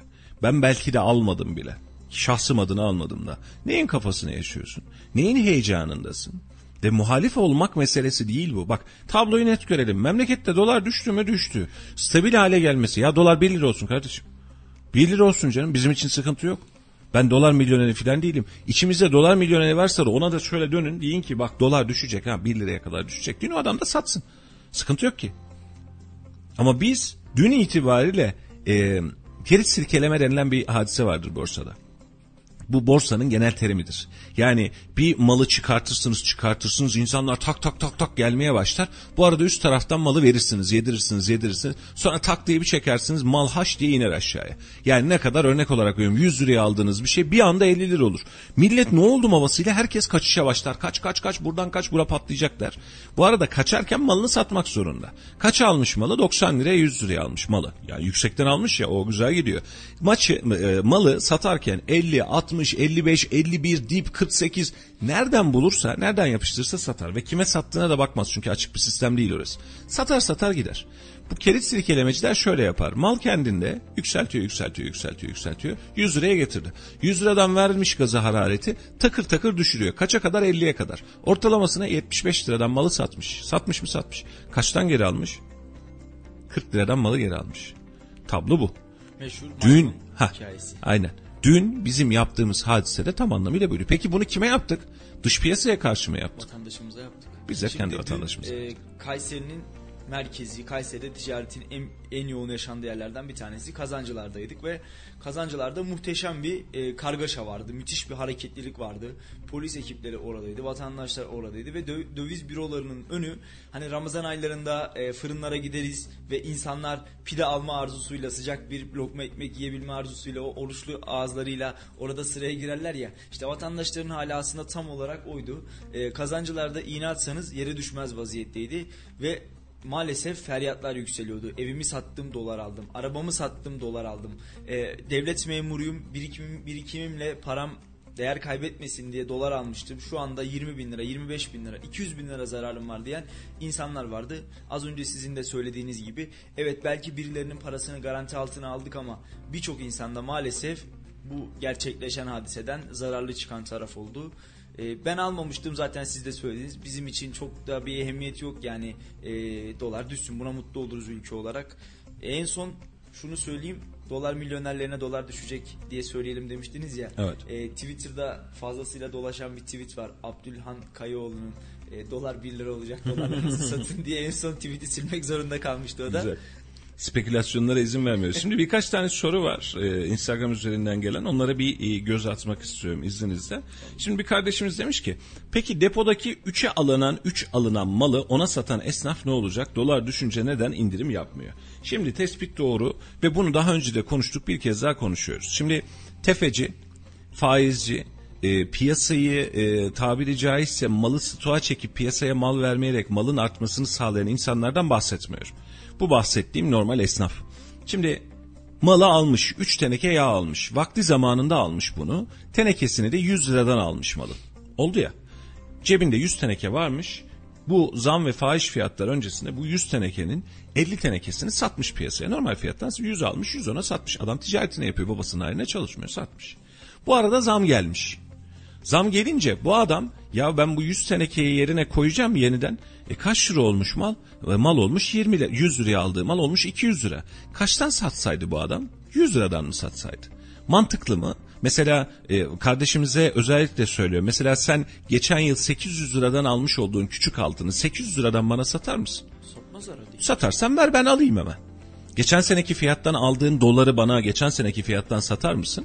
Satmazsın. Adam için senin için dolar, altın, euro neyse adam için de malı o. Çünkü sermayesi bu adam. Yani o şöyle bakmıyor. Yani ticaret yaptım para kazandım. Depoda kaç tane malım var diyor. Benim kaç litre malım var, kaç ton malım var. Böyle bakıyor çünkü bunu satıyor. Bu adam zam gelince otomatik olarak zam mı koydu? Zam gelince otomatik olarak zam mı koydu? Şu an kaçtan satıyor? O yağı örnek olarak veriyorum 300 liradan satıyor. Çünkü niye? Şu an o yağın alışı kendine gelişi 280 lira. Deposunda var mı hala? Evet var. Üzerine de hatta almış vermiş problem de değil. Hani üzerine de eklemiş belki de. 280 liradan almış 300 liradan satıyor. Sen şimdi diyorsun ki dolar düştü 280 liradan almıştın ya bana bunu 100 liraya ver. Valla kusuruma bakmayın öyle bir dünya yok. Dolar 8 liraya falan düşmedi yeniden. Bu bir. İki, düşmüş olsa bile şu anki dolar düşüşünde size son bir hafta 10 günde aşırı dolar artışından dolayı yapılan zammı düşünmesini istemekte haklısınız. Bir itirazım yok. Ama bu adam 280 liraya aldığı malı dolar düştüğü için yarın sadece 220 liraya falan alacak. E sana da diyecek ki 300 lira diye mal. 250 lira diyecek. Sen diyeceksin ki bana 100 liraya versene. 250 lira kardeşim. Çünkü o fiyat alıyor. Şimdi esnafa yüklendiğimiz kısım stokçu diye yani 3 liraya aldığın malı 10 liraya sattın. İyi de malın alışı 8 lira olmuş. Adam 3 liraya aldı kabul de malın alışı 8 lira olmuş. 9 lira olmuş. Kaça satsın adam? Kaça satsın? Hani şunu diyorsanız anlarım. Ya kardeşim her yerde piyasada mal normal şartlarda atıyorum bu işin unun torbasının toplam fiyatı 200 lira. Misal olarak veriyorum bunu. Ama bu esnaf bunu 500 lira diyor başka da satmıyor. Allah Allah niye böyle yapıyor? Başka kimse de un yok almaya mecbur kalıyoruz. Bak bunun acı kara borsacılıktır. Doğru mu? Kesinlikle. Piyasada mal yoktur. Hiç kimse size o fiyata mal vermiyordur. Malın çıkış fiyatı bellidir. Ama bir adam da bunu fırsatçılığa çevirmiştir. 200 liraya satacağı malı 500 liraya satıyordur. Kabul.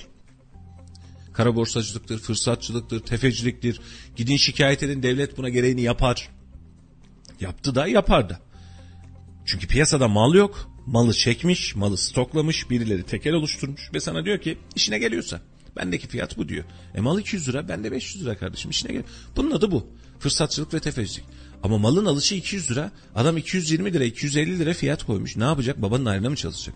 Canım kardeşim ben yine sana aynısını söylüyorum. Geçen sene almış olduğun altını geçen sene aldığın fiyattan bana veriyorsan o esnafa ya götür de ki bak şu altın ben geçen sene aldığım fiyattan sana veriyorum. Sen de bana geçen sene aldığın fiyattan yağ ver de versin. Kaç tane istiyorsan versin razıyız. Yani kimse bu dengeyi esnafın üzerine yıkmasın. Bu dengesizliğin problemi esnafın problemi değil. Kara borsacılar çıktı, fırsatçılar çıktı hiç itirazım yok. Gerekli işlemler yapılsın fazlasıyla meydanda sallandırılsın tabiri caizse. Buna da hiç itirazım yok. Ama normal esnafı tahakküm altında bırakmak, etiket değiştiren market reyon çalışanını dövmeye çalışmak gibi bir şey. Ya adamın kabahati yok ki adam etiket değiştiriyor. Yani bu bahsettiğiniz hadise bize son 2-3 gündür yürümeye çalışan takipçi kitlesiyle benzer. Hani bir 10-30-50 kişilik bir kitlemiz var. Ha zamları sürekli yayınlıyordun ne oldu? Ya kardeşim zamı ben yapmıyorum ben yayınlıyorum sadece. Bak bugün de indirim gelirse sana indirimi yayınlayacağım. Bakan gelirse bakan bunu demiş diyorum. ÖSSEK'i bir şey söylediyse bunu söylemiş diyorum. Memduh Bey bir şey söylediyse bak böyle bir açıklama yapmış diyorum. E sen altındaki yorumlardan kendi kendine nemleniyorsun. Vatandaşın tepkisinden nemleniyorsun. Haberi böyle verdiniz ya diyorsun. İyi de zaman ben yapmadım. Ben haberini verdim sadece. Bu kadar kör ve sağır olmamak lazım. İbrahim kardeşimiz yazmış. Çok ciddi bir fark var mı? Ben anlamıyorum. Herkes sevinç naraları atıyor. Normale mi döndük ben mi bir şeyler kaçırıyorum demiş. Valla İbrahim kardeşim tam olarak da aslında bunu konuşuyoruz. Normale mi döndük? Normal miyiz? Bizde mi var bir normallik? Biz birazcık bunu tartışıyoruz. Şöyle bir normale döndük. En azından piyasada dolar euro kurunu sabitleyip yani bir miktarda ticarete açık verdik. Yani rahat noktamız bu. E, dünün ve günün pozitifi bu. E, bunun dışında yaşadığımız hadisenin her birisinde ihtilaflar var, soru işaretleri var. Yani mesela biri yazmış 6 liradan 18'e çıkartıp 6 değil yerifti e, Şeref kardeşim e, 7 hatta 7.90 civarıydı 18'e çıkarıp 13'e düşürmek ölümü gösterip felce şükrettirmek demiş. Bu da bir bakış açısı. E, mesele şu şu an biz e, vadeli hesaplara mevduatlara verilen e, sıkıntıda e, program yaşıyoruz, problem yaşıyoruz. Yani bunun hesabını da biz bugün değil belki de 3-5 yıl sonra göreceğiz. İbo dayı yazmış size soruyorum. Katar'dan alınan para geri ödemeli 22 dolara anlaşmış. Sizce dolar ne kadar düştü? Kimi kandırıyorlar? Şimdi swap anlaşmasında bugün değil biz bir hafta önce de aynısını söyledik. Ee, bir kez daha aynısını söylüyoruz swap anlaşmaları totalde bütçe süresince gerçekleştirilen farklı bir anlaşma. Yani 3 yılsa 3 yıllık bir anlaşma. Evet orada bir 22 e, lira telaffuz edildi. Bunu da hiç kimse yalanlamadı. Ama e, dün değil ondan önceki gün e, Tayyip Bey çıktığında swap anlaşmalarını açıklayanlar filan diye oraya da Dünya Gazetesi'ne de bir parmak salladı. E, ama açıklayanlar dedi. Hani bak siz böyle açıkladınız ya dedi. Ama açıkladığınız yanlıştı demedi. E, toplamda da baktığımız zaman ben de aynı kanaatteyim. Şimdi e, Amerikan Merkez Bankası'nın Fed'in yıl içerisinde 3 kez faiz arttırma yapacağı e, kendi açıklamalarında var. Beraberinde önümüzde olası muhtemel erken seçim olmazsa normal seçim var bir, bir buçuk yıl içerisinde. Doğru mu? Hani bu süre içerisinde bizim dövizimizin normal kalacağını 12 lirada kendini sabitleyeceğini düşünmek bizim ülkede yaşamamış daha önce hiç yaşamamış olmak anlamına geliyor. Ama e, altını çizerek söylüyorum döviz yine 12, 13, 14 bandında kalırsa önümüzdeki 3 yıl içerisinde bu devlet için ve Türkiye için çok büyük bir başarı olarak da takvime geçer. Bunun hesabını yaparız. Bunu da altın çize çize söyleriz. Hatta dahasını söyleyeyim önümüzdeki 3 yıl içerisinde ki şu an bahsettiğimiz e, dövize e, opsiyonlu pozisyonumuz bu. Önümüzdeki 3 yıl içerisinde döviz bu bantta kalırsa bu ekonomik sistem yapmaya çalışılan e, faizdeki paraya garanti veren sistemde başarı sağlamış olur. Çünkü devletin cebinden bir kuruş para çıkmaz. Yani bizim takıldığımız nokta şu. Bizim yarına garantimiz yokken böyle bir ülkede yaşarken etrafımızdaki dinamiklerin her birisi bizden bağımsız hareket ederken biz ya kesin olarak 12-13 lira bandında kalır kardeşim dolar niye abartıyorsunuzu nasıl söyleyebiliyoruz biz merak ediyoruz. Ben söyleyemiyorum. Şimdi tutarsa şu anki açıklanan pozisyonda hiçbir problem yok. Vatandaşın mağdur olacağı hatta parasını TL'de tutup dolara çevirmeyenin de diğerinin de kaybedeceği hiçbir şey yok. Devletin Herkes de, devletin de yok. Mis. Vatandaşın da yok. Ama bu dolar yıllık ortalama yüzde yirminin üzerinde artış gerçekleştirirse her çıkan lira, kuruş, dirhem bizim e, vatandaşça sırtımıza binen ağır bir yük haline gelecek. Ve zenginin parasını korumak için tüm milletçe biz baskı altında kalacağız. Sanayicinin parası demiyorum bakın. Üretim demiyorum. istihdam demiyorum. Zenginin mevduatta duran yani faizini aldığı parasını korumak için biz yük altına geleceğiz. Bunu yapmak yerine sanayicinin ürününe garanti vermek bile bizim için daha evla. Yani en azından sanayici bizim sanayicimiz 100 kişi, 200 kişi, 300 kişi, 500 kişi ekmek yiyor dersiniz.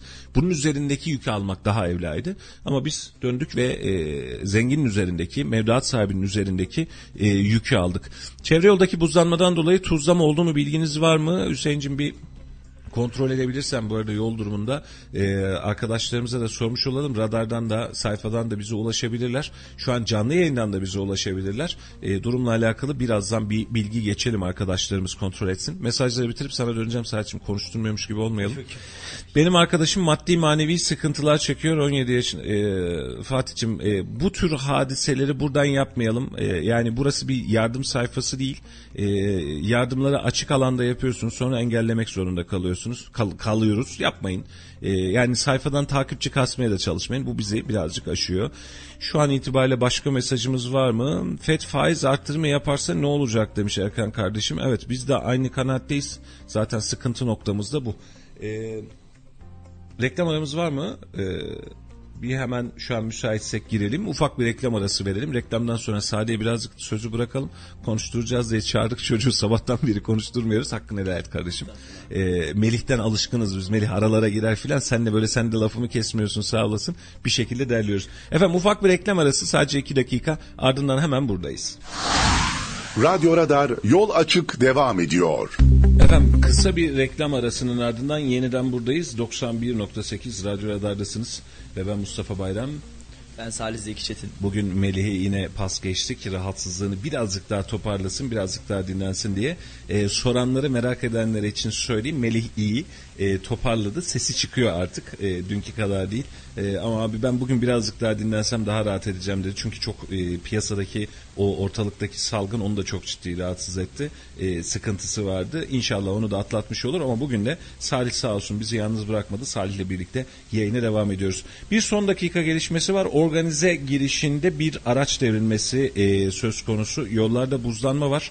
E, özellikle vatandaşlarımızın dikkat etmesini rica ediyoruz. Çok e, gıcık bir hava var tabiri caizse. Yerlerde gizli buzlanmalar, dün akşam yağan kar, temizlenen temizlenmeyen yollar gibi sıkıntılarımız var. E, buzlanma da bu anlamda önemli. Sürücülerimiz çok dikkatli devam etsinler. E, yollara çok fazla güvenmesinler. Böyle o ne kadar güzel tertemiz yollar filan demesinler. Buzlanma başımıza bela olabiliyor. Dün e, sürecin başında da söyledik. E, yayının başında da izah ettik. E, sıkıntı e, yaptığımız mesela dünkü ufacık yağan kardan sonra ciddi anlamda sıkıntıya dönüşen yerler vardı. Bu anlamda da dikkatli olmasına e, dikkat edelim. Stüdyonuzda yağmur yağmıyorsa biraz hışırtı var demiş. Hüseyin'cim bir kontrol edersen bir dinleyicimiz neyimiz hışırdıyor acaba bir ona da bir kontrol edelim. E, reis bu büyükbaş besi yemleri ne alemde? Dolar düştü yem fiyatı düşmedi bir el atın. E, Valla değerli dostlar bunları önümüzdeki haftaya hep birlikte değerlendireceğiz. E, bu fiyatların da düşen ve düşmeyen fiyatların üzerine geçeceğiz. Ama şu kısmı söylemek istiyorum. Bir, düşüş bu kadar sert olmuyor yükseliş kadar. İki, e, düştüğümüz nokta 8 liraya düşmedik dolarda. 12-13 lira bandına düştük. Yani evet son bir haftadır oluşan bir 13 lira bandından 18 liraya çıkan bir dolar vardı. Bundan kaynaklı zamların düşmesini biz de bekliyoruz ama istemiş olduğunuz düşüş yeniden sil baştan eskiye düşmek değil. Bunu da özellikle belirtmek isterim. Kesinlikle. Zaten yıl sonunda geldi malum hepimizin e, beklediği zamlar, klasik zamlar da gelecekti yeni yılla birlikte. Biz sadece bunları biraz erken aldık, erken kabul ettik. Tabii yeni yıla da e, yeni zamlarla herhalde yine başlayacağız. E, şunu da ifade edeyim. Sektör temsilcilerinin açıklamalarına göre araba fiyatlarında da bir düşüş olacağı söyleniyor. Özellikle sıfır arabalarda. Tabi bu ikinci el piyasasına da e, yansıyacaktır mutlaka. Bununla alakalı da haberlerimizi, çalışmalarımızı e, biz de yapacağız ama e, önce büyük kalemlerde başlayacak anladığım kadarıyla indirimler. Önce daha pahalı, daha e, dövizle direkt endeksli kalemlerde başlayacak. E, geçtiğimiz günlerde doların düştüğü akşam yine e, ticaret yapan bir abimiz aradı. Dedi ki sabah 17 liradan dedi dolar 17 lira bandındayken dedi. e, ham madde almıştım, ürün almıştım dedi. Ben şimdi ne yapacağım? Yani baktığımız zaman dolar 12 liraya düştü. Evet ama bu adamın aldığı ürün 17 lira ve bir şekilde evine ekmek götürmek zorunda. Herhalde mevcut fiyattan da bunları vatandaşa ulaştırmasını Yalla mevcut fiyata doğru yaklaşacak. Kar etmeyecek. Üstüne bile belki bir miktar zarar, Zarar edecek. edecek. Bu piyasa tam bir fırsatlar piyasası oldu. Yayın arasında Salih'e anlattım. Ee, bir arkadaşımız öyle yapmış. Abi 35 bin euro vardı diyor. Akşam 18-18,5 liradan sattım. Sabah 12 lira civarından euroyu yeniden aldım diyor. Yakaladım diyor. İşte e, 40 küsür bin 46 bin euro falan oldu diyor. TL bazında baktığınızda çok kar etmemiş ama euro bazında kalmadığı için bu operasyonu yapabildiği için 10 bin euro bir akşamda cebine koymuş 35 bin euro gibi rakamdan bu yaklaşık %30'a tekamül eder. Ee, ciddi rakam yani e, ciddi ciddi fazla bir rakam. Kızalım mı? Vallahi kızacak bir durum yok. Fırsat sizin de elinizde olsaydı siz de yapardınız, biz de yapardık. Oturduğumuz yerde en azından kalmazdık. Ee, petrollerde fiyatlar düşecek mi? Evet düşecek. Yayının başında e, konuştuk. Petrollerde bugün itibariyle özellikle ciddi bir düşüş bekliyoruz. Ee, dolar altın düşünce e, yapılabilecek indirimleri vatandaşlarımız bekliyor ama bu indirimleri çok afaki. Hani bundan 3 ay önceki dönem gibi bir indirim mantığıyla beklemeyin. Ee, son bir haftaki yapılan, son bir hafta 10 gündür yapılan dolar ve e, euro kurundan kaynaklı artan fiyatlarla alakalı yapılacaksa bir indirim söz konusu. Ama bunun dışında doları 8 liradan zaten şu an 13 lira bandından alıyoruz. Hani dolar e, yeniden 8 liraya 9 liraya düşmedi. Bunun için de bakarken de şey mantığıyla bakmayalım. O her şey dibin dibine gelecek biz ya yeniden bu fiyat alacağız. Yok öyle bir dünya canım kardeşim. Hani e, hakikaten ölümü gösterip sıtmaya razı etmek gibi oldu bu birazcık. Yani ölümü gösterdik birazcık sıtmaya razı olacaksınız artık. O ne kadar ucuzladı bak fiyatlar filan diye sevineceksiniz. Araç fiyatları ile ilgili de şunu söyleyeyim. E, son bir hafta 10 gündür yapılan zamları bir adım geri çekeceklerdir Salih'cim. E, ama bunun anlamı şu değil. İkinci elde 500 bin liraya çıkmıştı benim aracım. 200 bin liraya mı düşecek şimdi değil. 500 bin lira evet abartı bir rakamda artık 400 bine düşmüş olacak senin araban. E, zaten aldığın fiyattan daha iyi bir fiyat. Ha yine kim çarpılacak? Son bir hafta 10 gündür o satın almayı yapan alışveriş yapan arkadaşlarımız bir miktar zarar O edecekler. köpük, köpüklenme bakanın tabiriyle alınacak. Şunu da ifade edeyim. E, tabii bizler de alışveriş yapıyoruz. Geçimimizi sağlamak, hayatımızı devam ettirmek için zaman zaman da market çalışanlarıyla konuşuyoruz. Değişen etiketleri konuşuyoruz. E, bir market çalışanı geçtiğimiz günlerde yumurtaya gel- gelen zamdan sonra Abi henüz tüm zamları biz de reyona yansıtmadık. Bizim bir sonraki sevkiyatta zamlar gelir demişti. E, herhalde bu dolar dolar düşüşünden, döviz düşüşünden sonra e, zamlar yansımamış olarak devam edecek. Yani aslında birçok kalemde de indirim olmayacak. Belki de 3 e, harfli diye nitelendirdiğimiz marketler şunu da diyebilir. Ya biz zaten sevkiyattan sevkiyata zam yapıyoruz. Daha henüz birçok ürün kaleminde bir sonraki sevkiyata gelmeden döviz düştü. Bu fiyatlar devam edecek. Herhangi bir indirim yok da denilebilir bazı Bu, kalemlerde. bu, bu noktada kalırsa evet bir miktar indirim yaşayacağız bu kesin ama yani çok abartı bir beklenti yeniden eski günlere dönelim yaz ortasındaki fiyatlara dönelim gibi beklenti çok da makul değil. Şimdi bir ufak bir uyarı gelmiş bir dosttan E, abi son dönemlerde özellikle İldem bölgesinde bazı emlak firmaları verdiği ilanla sattığı ev bir değil bu konuda yüzlerce mağdur var. Konu polise aksetmiş, intikal etmiş. Ev alacaklar kesinlikle evin içi ile ilandakinin aynı olduğunu görmeli. E, mağduriyet yaşamamaları için demiş. Biz de bu uyarıyı en azından geçmiş olalım. Bu tür mağduriyetlerin oluşmaması adına e, dolandırıcılar da sınır tanımıyor. Yani kendilerinden geçiyorlar. E, dün bir tanesine küfretmek zorunda kaldım. E, hadise şu telefonla artık aranmaya alıştık ya hani hiç olmayacak numara 0850 bir numara. Açtım telefonu. Genel itibariyle telefonu da açarım. Açtım telefonu. Bekliyorum ki ses gelsin diye. Sanki ben aramışım gibi çağrıya düştü. Böyle dıt dıt biz bekliyoruz. Telefonu bir açtı sanki ben aramışım gibi. Beyefendi işte doğalgaz kombi tamiri bakın. Numaramı nereden aldınız diyorum. Efendim biz ortaklaşa benim doğalgazımı ben hiçbir dışarıya yaptırmadım. Hani bir yakın akrabam var sağ olsun gelir kombimi o yapar. Ee, hiç kimseye yaptırmadım. Kimseye eyvallah demedim. Numaramı ise efendim almışız. Ee, devlet bu anlamda bu çağrı merkezlerine SMS firmalarına yüklü miktarda ceza uygulamıştı ama yılmadılar.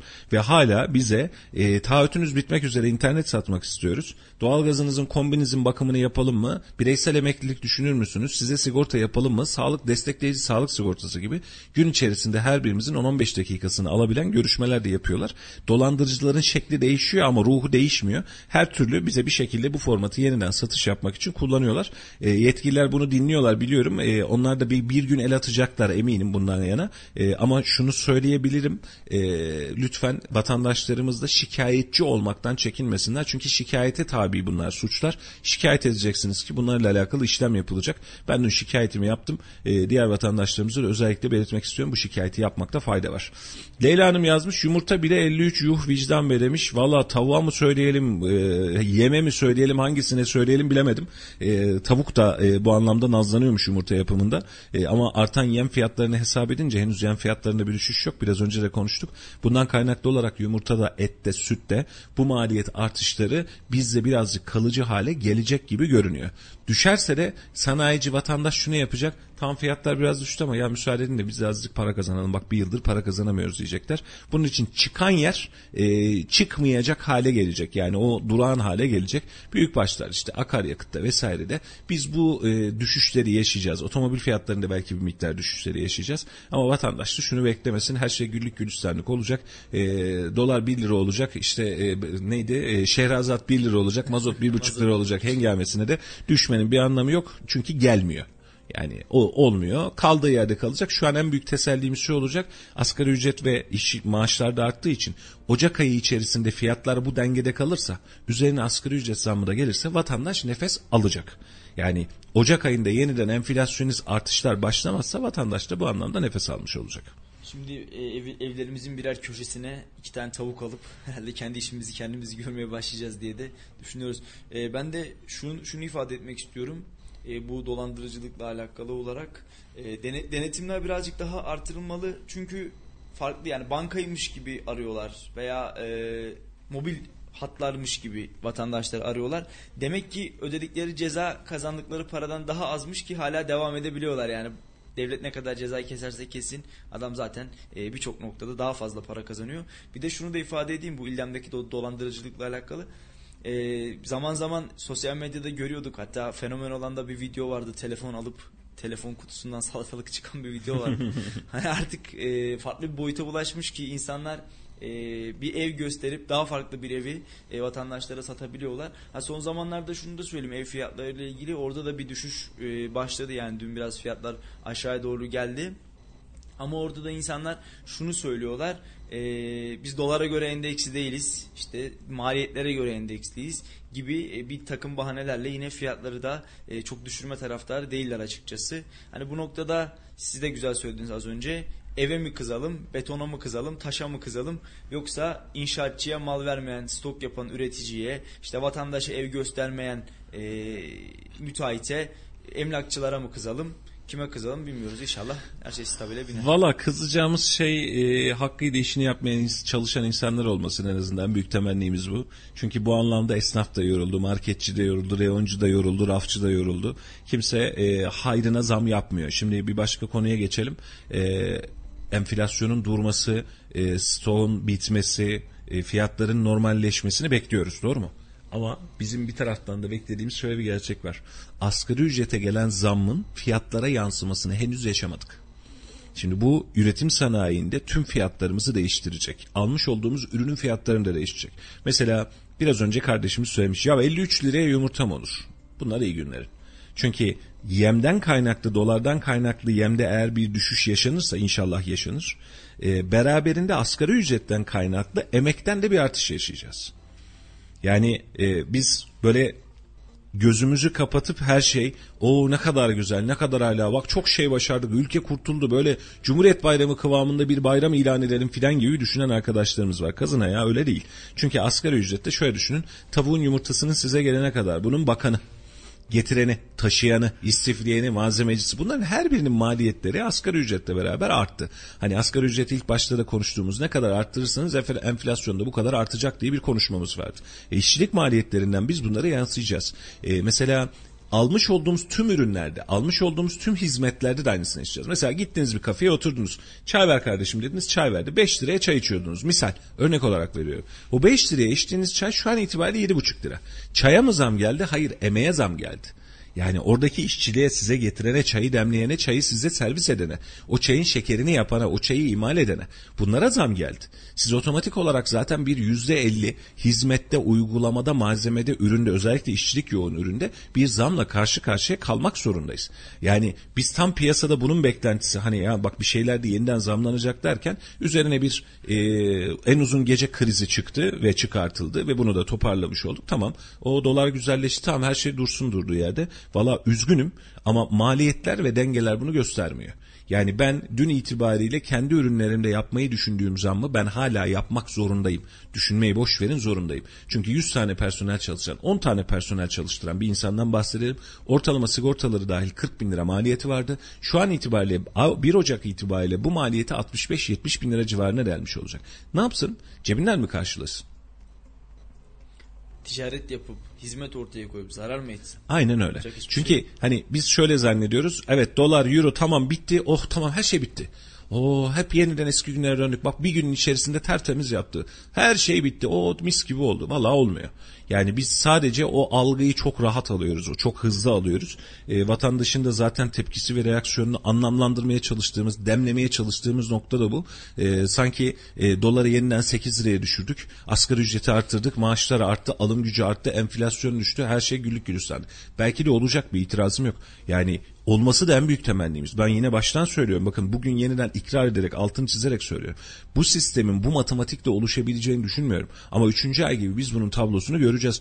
Olursa da gerçekten mutlu olacağız. Ve özür dileyeceğiz. Yani evet biz yanlış düşünmüşüz. Bak oluyormuş adamlar sistem mi yapıyormuş diyeceğiz. Çünkü mesele milletimizin bizzat kendisi, devletimizin de bizzat kendisi. Şimdi biraz önceki söylediğim hep vatandaşlar bize filan diyor.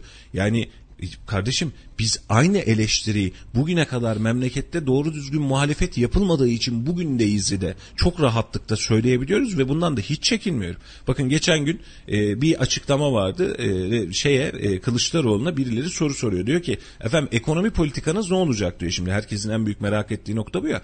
E, bu geçen gün dediğimde ne kadarlık bir süre yaklaşık bir 20-25 gün öncesindeki hadise. Kılıçdaroğlu cevaben onu o gün göreceksiniz dedi. Biz de dedik ya böyle bir mantık olabilir mi? Sen ekonomiyi bir ülkeyi yönetmeye talip talipsin ve ekonomiyi nasıl yöneteceğinle alakalı bilgi vermiyorsun dedi. Hatta bir dinleyicimiz de o da CHP'liymiş anladığım kadarıyla bunun için tartıştık. Böyle bir şey olur mu? Ee, öncesinde söylenir mi? Maçtan önce teknik direktör e, direktörle şeyini veriyor mu tekniğini? Ya bu maç değil.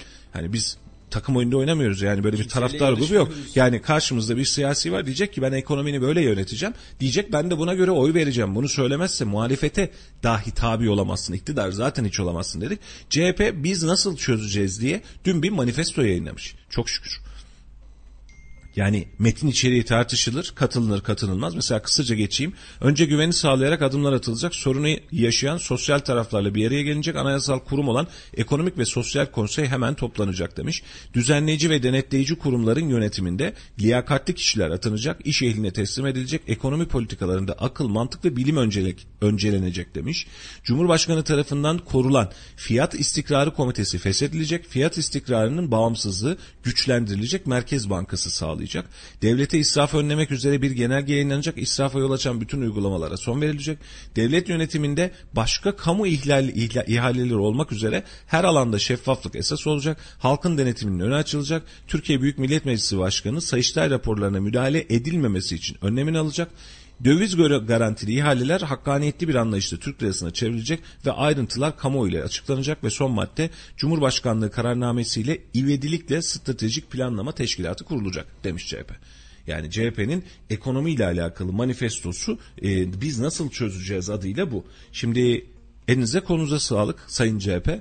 E, ama şu anlatmış olduğunuz maddelerin yüzde sekseni her yönetim tarafından, her yönetimin işe gelmesi öncesi tarafından açıklanan malzemeler. Mesela belediye başkanları ne yapar Salih'ciğim? Şeffaf olacağız, açık olacağız, her şey açık olacak. Belli kalıp cümleler vardır. Bunları söylerler. CHP'nin burada yaptığı aslında bundan öte bir şey olmamış. Bir icraattan ziyade bugün işte sizin de bizim de bugün devletin başına gelsek dile getireceğimiz, e, herkesin söyleyebileceği ya da umut ettiği şeyler olmuş. Şurada şunu altını çizmek istiyorum. E, biraz da esprili bir dille yaklaşacağım belki de ama e, şimdi Cumhurbaşkanı dolar düşünce bir fotoğrafını paylaştık. Böyle ellerinde boks eldiveni, kırmızı bir şey, üzerinde evet. RT yazıyor. Karşısındaki rakibi göremedik. Rakibi 3 ay sonra göreceğiz. Cumhurbaşkanının patakladığı kişiyi kim olduğunu, o boks eldivenlerle kime vurduğunu 3 ay sonra göreceğiz. İnşallah karşısında vatandaş olarak biz olmayız. O boks eldivenleri de zamlar enflasyon olmaz da onların altında bu vatandaş ezilmez. Bu dileğimi de buradan dile getireyim. Valla temennimiz bu ee, ama şimdi e, şu konunun özellikle altını çizmek istiyorum Saatçım. Ee, bu işi partiler üstü düşünmezsek, biz milletçe bunu idrak etmezsek, konuşamazsak, bireysel özgürlüklerimizi yeniden ferfor edemezsek, ön plana çıkartamazsak, bizim yapabileceğimiz her türlü iş ve girişim sonuç itibariyle sıkıntılı dönemlere dönecek. Şimdi e, biz bir şey iyi olduğunda hep birlikte güzel yapılmış diyebilmeliyiz. Kötü yapıldığında da ne yapıyorsunuz siz diyebilmeliyiz. Hatta üzerine geri zekalı mısınız siz diyebilmeliyiz. Bu kadar açık olabilmeliyiz. Ve bunu söylerken biz birbirimizle tartışırken de birbirimizi dinlemeyi, bu adamlar ne yapıyoryu çözmeyi en azından idrak etmeyi başarmalıyız. Şimdi oturup siz sabahtan akşama kadar eğer Recep Tayyip Erdoğan dinliyorsanız Kemal Kılıçdaroğlu'nu da dinleyin. Meral Akşener'i de dinleyin. İşte eee Ali Babacan'ı da dinleyin. Dinleyin. Çünkü niye? Bu dinlemeler sizin sentezinizi geliştirecek. Karşı çıkmanız ya da dinlemeniz size bir şey, e, bir, sizden bir şey kaybettirmiyor. Daha sonrasında bu sentezde şunu söyleyebilmemiz lazım. Sayın hükümet, şu şu şu konularda elinize konunuza sağlık. Bak bunları güzel düşünüp hareket ettirdiniz ama bak bu konularda ciddi sıkıntı var. Bunu çözmemiz lazım diyebilmeliyiz. Bunu vatandaş olarak ve STK'lar olarak diyebilmeliyiz. Biz insanlara, hükümete, belediyeye, yetkililere bakın burada yanlış var. Bu yanlıştan tez dönün ya da bu yanlışı böyle böyle toparlayın diye proje üretebilmeliyiz. Biz hükümetimizi, belediyemizi, seçtiğimiz tüm unsurları ve hatta muhtarımızı denetleyebilmeliyiz. Ne yapıyorsun sen güzel kardeşim diye sorabilmeliyiz. Devlet bu denete, denetleme mekanizmasının içerisinde olmak zorunda. Şimdi zannediyoruz ki haşa peygamber gibi, Allah gibi, Tanrı gibi tapındığımız liderler olsun istiyoruz. Böyle bir dünya yok. Bu insanlar hata yaparlar, yapacaklar. Yaptığı hataların karşılığı da bu insanları idam sehpasına çıkartmak değil amacımız. Ama hata yapacaklarsa göreceğiz bu, bu hata bir daha yapılmasın diye. Tüm derdimiz bu olmalı. Vatandaş kendi özlüğünü, kendi benliğini bulmalı. Biz krallıkla filan yönetilmiyoruz. Bunun altını çiziyorum. Biz krallıkla yönetilmiyoruz. Biz padişahlıkla yönetilmiyoruz. Biz seçiyoruz, biz gönderiyoruz. Sorgulayabilmeliyiz, yargılayabilmeliyiz, konuşabilmeliyiz. Ama işte bu e, en uzun gece krizinin belki de en büyük handikapı yine söyledim yine söylüyorum. Rıfat Sarcıklıoğlu'na karşı yaptığı en basit en base diyebileceğimiz söyleme karşı yapılan girişimdir. Bunları da not aldık. Ha, siz görürsünüze getirdik. Sebep?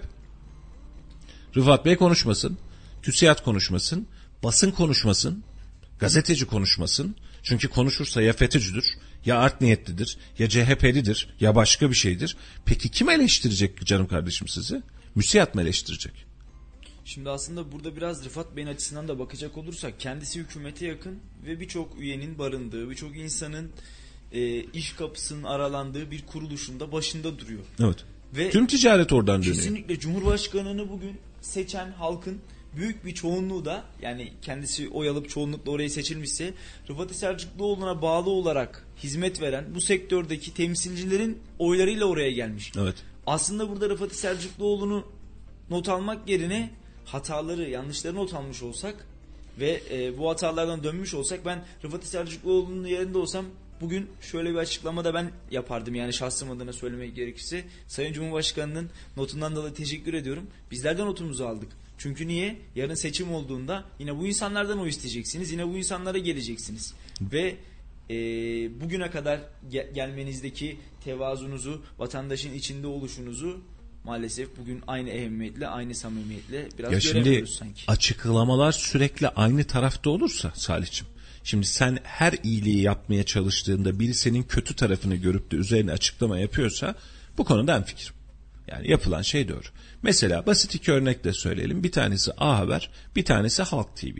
Hükümet ağzıyla kuş tutsa Halk TV'nin gözünde hiçbir hükmü yok. Doğru mu? Kesinlikle. Yok. Şimdi tersinden düşün. Muhalefet en büyük ve en önemli söylemleri bile geliştirse, yapsa A Haber'in gözünde hükmü var mı? Kesinlikle. Yok. Şimdi hayata da bu iki endekse bakmaya alıştırınca milleti, baktırınca karşımıza çıkan tabloda herkes öyle bakıyor. Ya kardeşim muhalefetin de iyisi, iktidarın da iyisi var. Doğru söylediği söylem var, geliştirdiği söylem var, yok ettikleri var. Hepsine mi gözümüzü kapatalım? Bunu hep söylüyorum. Mesela yani şimdi e, yapılan güzel yolları ya da hastanelerden bahsederken e, sıkıntı varsa sıkıntıyı konuşuruz. Değilse elinize sağlık deriz.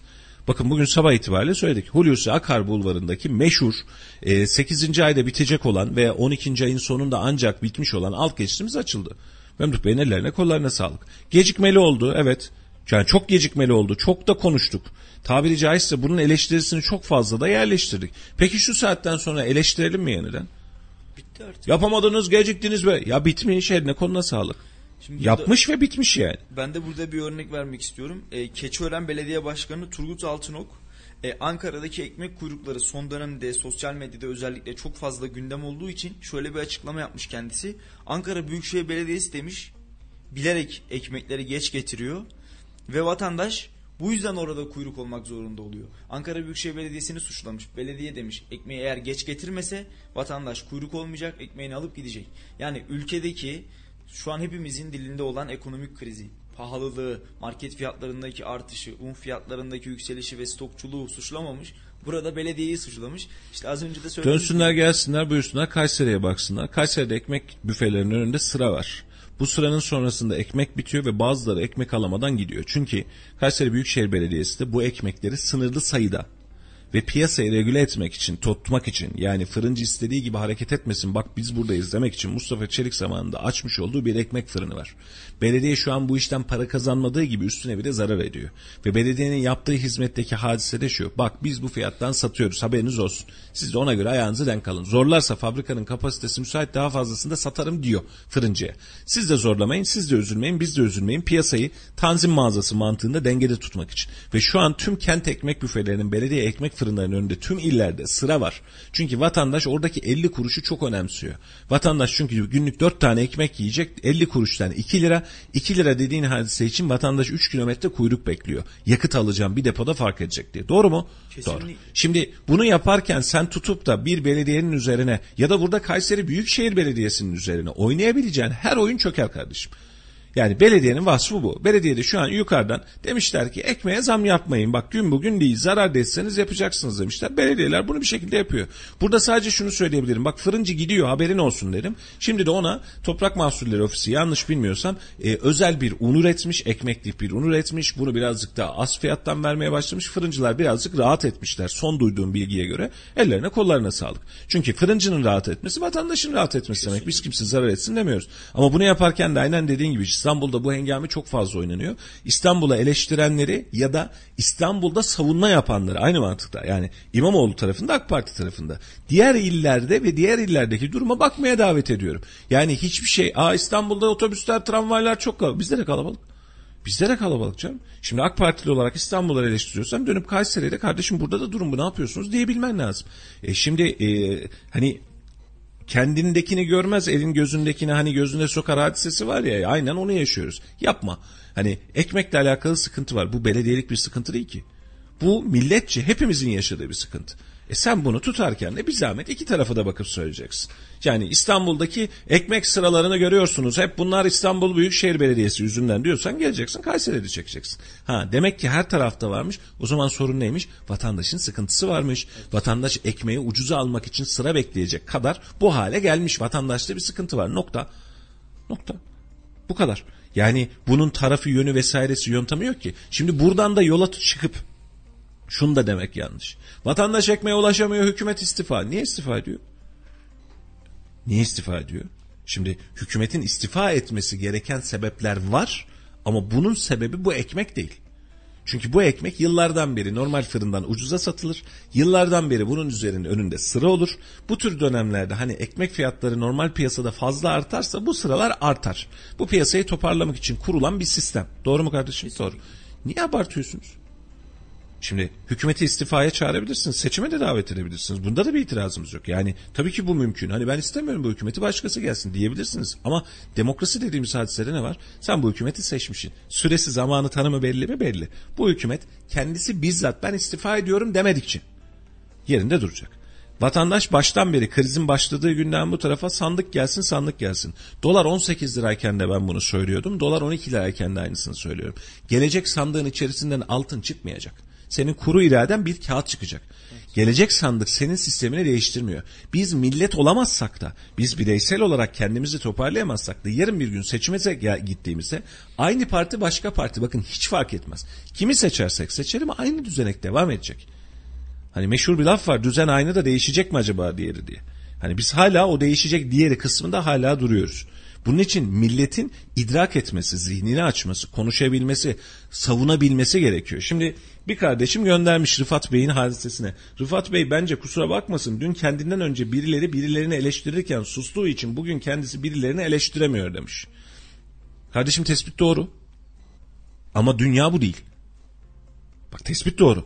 Rıfat Bey bugüne kadar ağzını açmadığı için bu halde diyor. Tamam o ağzını açmadığı için bu halde. Bu ağzını açmadığı için bu halde. Bu yeni ağzını açıyor bunu kapat yok. Düşünce, sivil toplum, özgür irade bunların esasını bozmadan biz yaşamak zorundayız. Bugün Rıfat Bey'e de sahip çıkmamız gerekiyor. Bugün örnek olarak veriyorum e, TİSK de bununla alakalı bir açıklama yapıyorsa buna sahip çıkmamız gerekiyor. Doğru ya da yanlış, yanlış da olduğunu düşünebilirsiniz. Problem yok canım. Şimdi acaba e, Rıfat Selçukluoğlu görevine şu an devam ediyor ama yarın görevi de bırakabilir. Görev süresi de olabilir. E, yine Kayserili bir vatandaş olarak Rıfat Selçukluoğlu'nu değerlendirmek istiyorum. Abdullah Gül yalnızlığına mı terk edilecek? Bu işin sonunda yine kaybeden Kayseri mi olacak? İşte hizmette sıkıntı yaşayan yine Kayseri mi olacak? Dün Abdullah Gül siz hep söylüyorsunuz işte Abdullah Gül'e sahip çıkmamız gerektiği noktasında evet. her yerde dile getiriyorsunuz. Ee, dün Abdullah Gül'e sahip çıkmayanlar bugün de Rıfat Selçukluoğlu'na sahip çıkmayacak. Ya yarın belki de şuncuymuş buncuymuş işte Gülcüymüş, Babacancıymış veya işte FETÖ'cüymüş olacak belki de. Ama günün sonunda yine e, elimizi göğe kaldırıp Allah'ım bize hızlı tren gönder. Allah'ım bize de şu Niğde otobanından bir tane nasip et diye yine herhalde elimizi açıp kuşlara dua edeceğiz gibi duruyor. Bir Alman bilim adamı der ki diye mesaj göndermiş bir dinleyicimiz. Naziler komünistleri alırken sesimi çıkarmadım. Evet ben bir komünist değildim. Sosyal demokratları hapsettiklerinde sesimi çıkartmadım. Evet bir sosyal demokrat değildim. Sendikacılar almaya geldiklerinde sustum. Evet ben bir sendikacı değildim. Şimdi hadise buna dönüyor.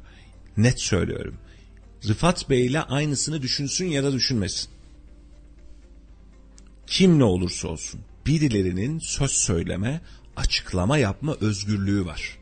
Eğer bu açıklamalar sürekli aynı tonda, aynı muhalefet edasındaysa insanlar buna kulağını otomatik olarak kapatır.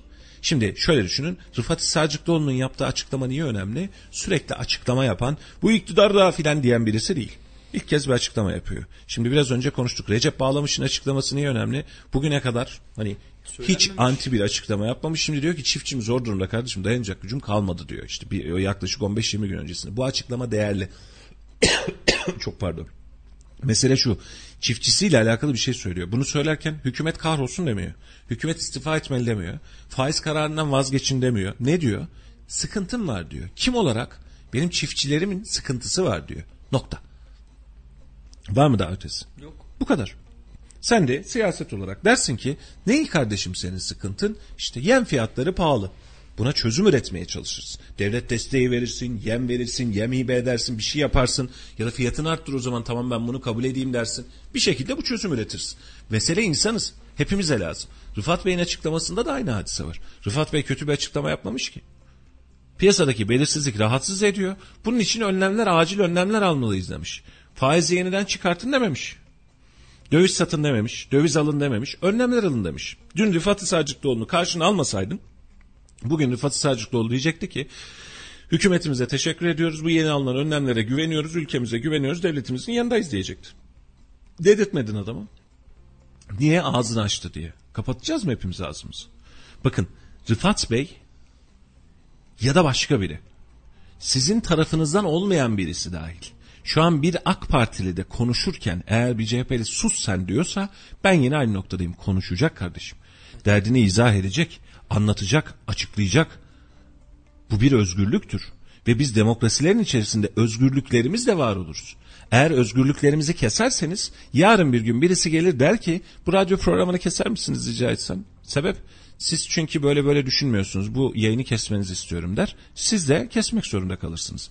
Biz radyo programını kesmek zorunda kaldığımızda hiçbir vatandaşımız da bu radyoyu ben dinliyordum niye kapatıyorsunuz kardeşim? Özgürlüğe aykırı bu diyemez. Şimdi Bizde taraftar olmayan, bizde hem fikir olmayanlar da aman zaten onlar hak etmiş diyecek. Diğerleri de ya neyse yapılacak bir şey yok diyecek. Sonra sizin dinleyebileceğiniz, anlatabileceğiniz bir gazete kalmayacak. Medyada böyle olmadık mı bugüne kadar Sarıç'ım? Evet. Bak bizim ne güzel gazetelerimiz vardı. Şöyle yazıyordu, böyle yazıyordu. Satılıyordu, eğiliyordu, bükülüyordu ama yazıyordu. Şu an hepsi Biz elimize bir Aynen maskeden öyle. çıkmış. Biz elimize 3 tane gazete aldığımızda ne görüyorduk? 3 tane gazete aldık. Oh diyorduk mis gibi. Biz memlekette ne olduğunu görüyoruz. Ama şimdi Hepsi aynı ton. Aynı renk. aynen öyle. İyiye iyi, kötüye kötü diyen bir millete, bir memlekete ve hak için hakkı savunan bir millete ihtiyacımız var.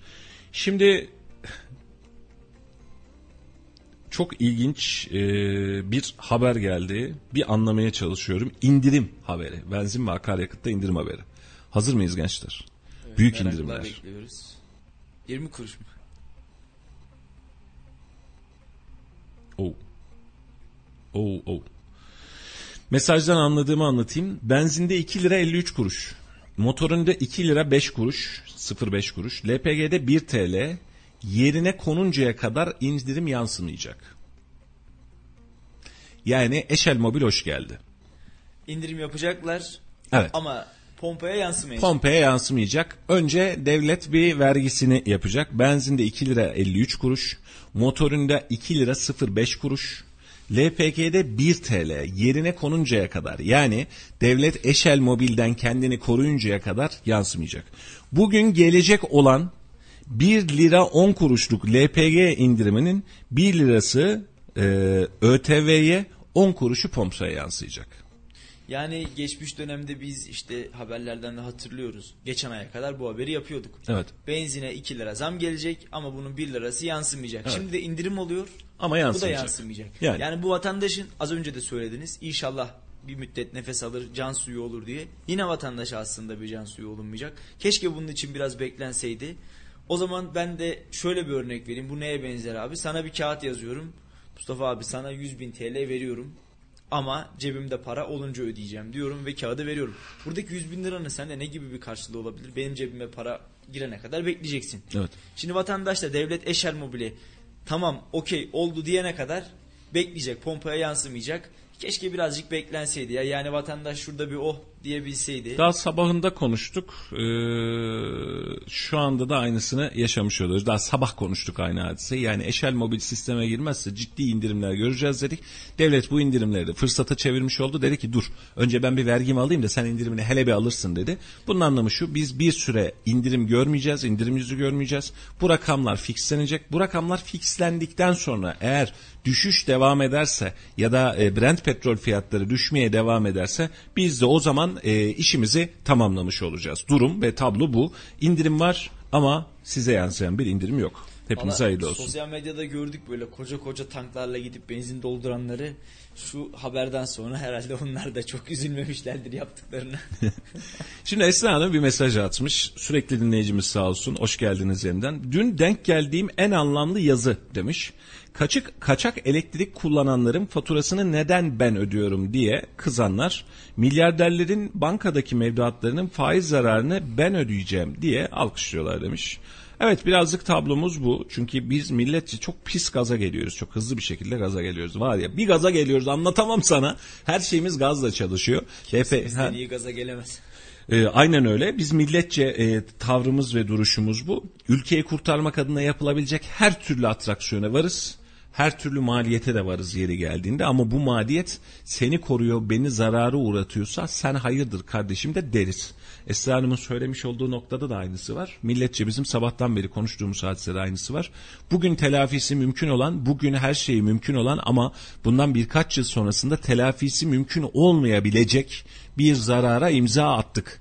Ee, bunun anlamı şu, eğer dolar, euro ortalama olarak yıl ortalamasında %15, %20 bandında değer kazanırsa sorun yok. Hiç problem yok. Yani bugün ne kadar dolar? 10 lira. Önümüzdeki sene 12 lira oldu. Ya da bugün 12 lira. Önümüzdeki sene 13.2 lira oldu dersek problem yok kardeşim. Hiç devletten bir şey çıkmaz. Ee, diğer taraf mağdur olmaz. Para TL'de kalır ve bu pozisyon, bu hikaye çok güzel yazılır, çok güzel de tutar. Şu an itibariyle bakalım. Mesela anlıkta bir bakarak gidelim. Ee, piyasada hala şöyle bir dengesizlik var. Serbest piyasayla e, bankalar arası piyasa birbirine makasa açtı. Mesela şu an baktığımızda 12.29 dolar kuru e, bankalar arası piyasada ama serbest piyasaya geçtiğinizde 13.34 1 liradan fazla bir makas var. Biz hadi birini baz alalım. Şu an itibariyle bankalar arası piyasada 13 e, şey 12.30 olsun fiyatımız. 12.30'dan ben bugün paramı yatırdım. E, bunun anlamı şu. %20 ortalama faiz bandından gidelim ne yapar? 2.4 lira civarında bir rakam yapar. Yani 14-14.5 lira bandında eğer önümüzdeki yıl bu zamanlar dolardan bahsedeceksek kardayız. Hiç problem yok. Ama eğer önümüzdeki yıl bu zamanlar dolar kurunu 17, 18, 19 dersek bakın bir yıl sonrasından bahsediyorum. O zaman biz sancılanırız. O zaman cebimizden para çıkar. O zaman milletçe zenginin parasını korumak için e, her geçen gün her geçen dakika daha fazla fakirleşmiş oluruz. Bizim kıyamadığımız, söylediğimiz, anlattığımız daha doğrusu herkesin anlatmaya çalıştığı ama birilerinin ısrarla kulağını kapattığı siz devlet düşmanısınız dediğiniz hadise bu. Ben devlet düşmanı değilim. Ben devletimi seviyorum. Ben dahasını söyleyeyim bir level daha öteye giderek söylüyorum. İş yaptığı sürece hükümetimi de seviyorum. Benim bu anlamda bir sancım yok. Yarın seçim olacak biz gideceğiz. Ya kim iş yapar diyeceğiz birine oy vereceğiz. Mesele şu. Benim cebimden çalarsam benim cebimden giderse ve benim cebimi ya da beni mağdur edersem ben bunu söylerim. Senin de bunun karşılığında yapman gereken göre bunu toparlamanın yöntemine bakmak. Çünkü şu an Bugün itibariyle bankalara yatılacak mevduatların hatta hesabı yok bu sistemle. Evet. Yani bu mevduatları da 10 milyon, 20 milyon, 50 milyonlardan bahsetmiyoruz. Çok daha büyük rakamlardan bahsediyoruz. Yani bir boynumuzu çevirdiğimizde ya ne oluyor mu acaba dediğimizde bir köprü gidecek. Bir yol gidecek, bir otoban gidecek, bir hastane gidecek. Bunları kaybedeceğiz. Bizim korkumuz ve telaşımız bu. Ve böyle bir ülkede bunun garantisini nasıl verebiliyorsunuz? 36 ay. 36 ayın sonu sizin döneminiz bile olmayabilir. Arada seçim var. Ama 36 aylık vadeye kadar siz bunun e, garantisini vereceksiniz. Geldi yeni gelen hükümet dedi ki ben zaten yatırmıştım dolara yürüsün gitsin. Para benimdi zaten dedi şahsi olarak ve memleketi batırdı. Ne yapabileceksiniz? Hiçbir şey. Gün bugün değil sadece. Çünkü devlet bir günlük politikalarla yönetilmiyor. Sonra biz yapmıştık. Onlar yönetemedi. Birileri yapamadı da olması içten bile değil. Aynen öyle.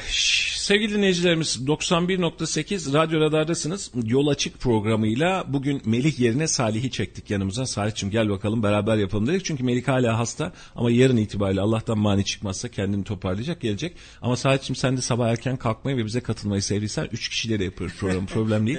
Baş tacısın beklerim sıkıntı yok.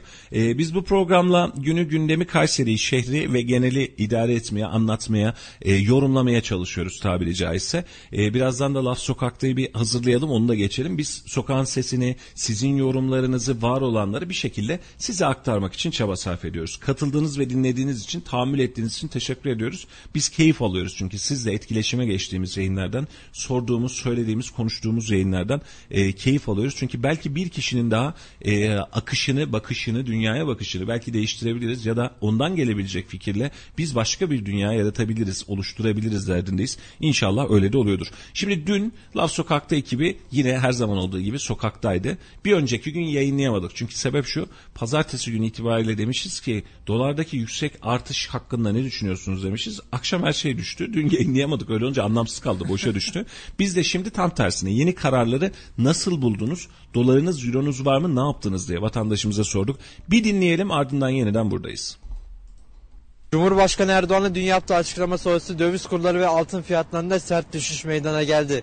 Biz de Laf Sokak'ta ekibi olarak Kayseri halkına döviz kurları ve altın fiyatlarındaki düşüşün nedenini sorduk. Bakalım ne cevaplar aldık. Benim kanaatim dış kaynaklı olduğuna inanıyorum. Erdoğan'a güveniyorum. Ee, diyeceklerim bu kadar. Yani bu ekonominin kötü yönetilmesinden değil. Ben öyle düşünüyorum. Peki bu olay sizi nasıl etkiledi mesela? Ya benim sanayici değilim ki ben nasıl etkilesin. Ben sade bir vatandaşım. Emek... Döviz tasarrufunuz yok mu mesela döviz altın? Yok. Hiç yok. Yok. Neden Kaybetme yok yerim aynı yerinde duruyor. Dolar mak aynı yerine geldi. Onlar öyle gitti geri geldi. Erdoğan gibi de adam bulamaz Türkiye Cumhuriyeti bile. Neden mesela geri buldu aynı yeri? Vallahi orasını büyüklere sormak lazım.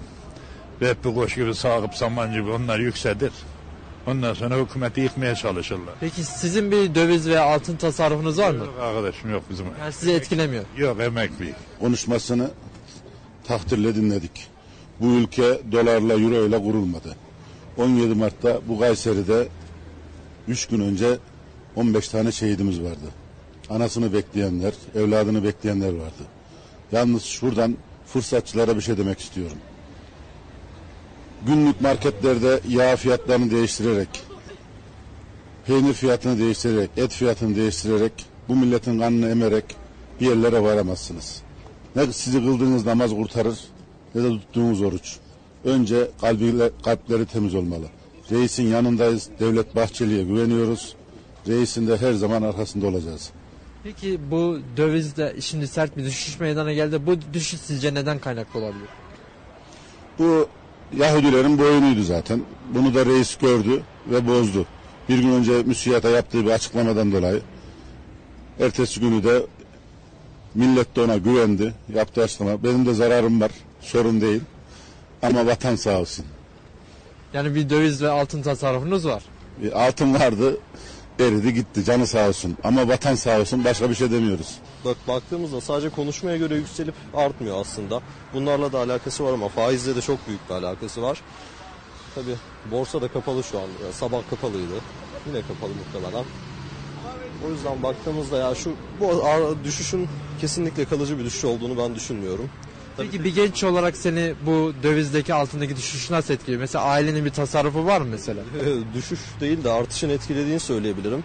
Ee, ha düşüş tabii ne kadar etkiliyor dersek de baktığımızda şu an ailem için de akaryakıt fiyatlarında bir düşüş oldu. Ha, zam iptali oldu ona da teşekkür edecek halimizin olduğunu düşünmüyorum. Ama yani düşüşün de şu an ne fiyatlara ne de başka bir şeye yansıdığını düşünmüyorum şimdi.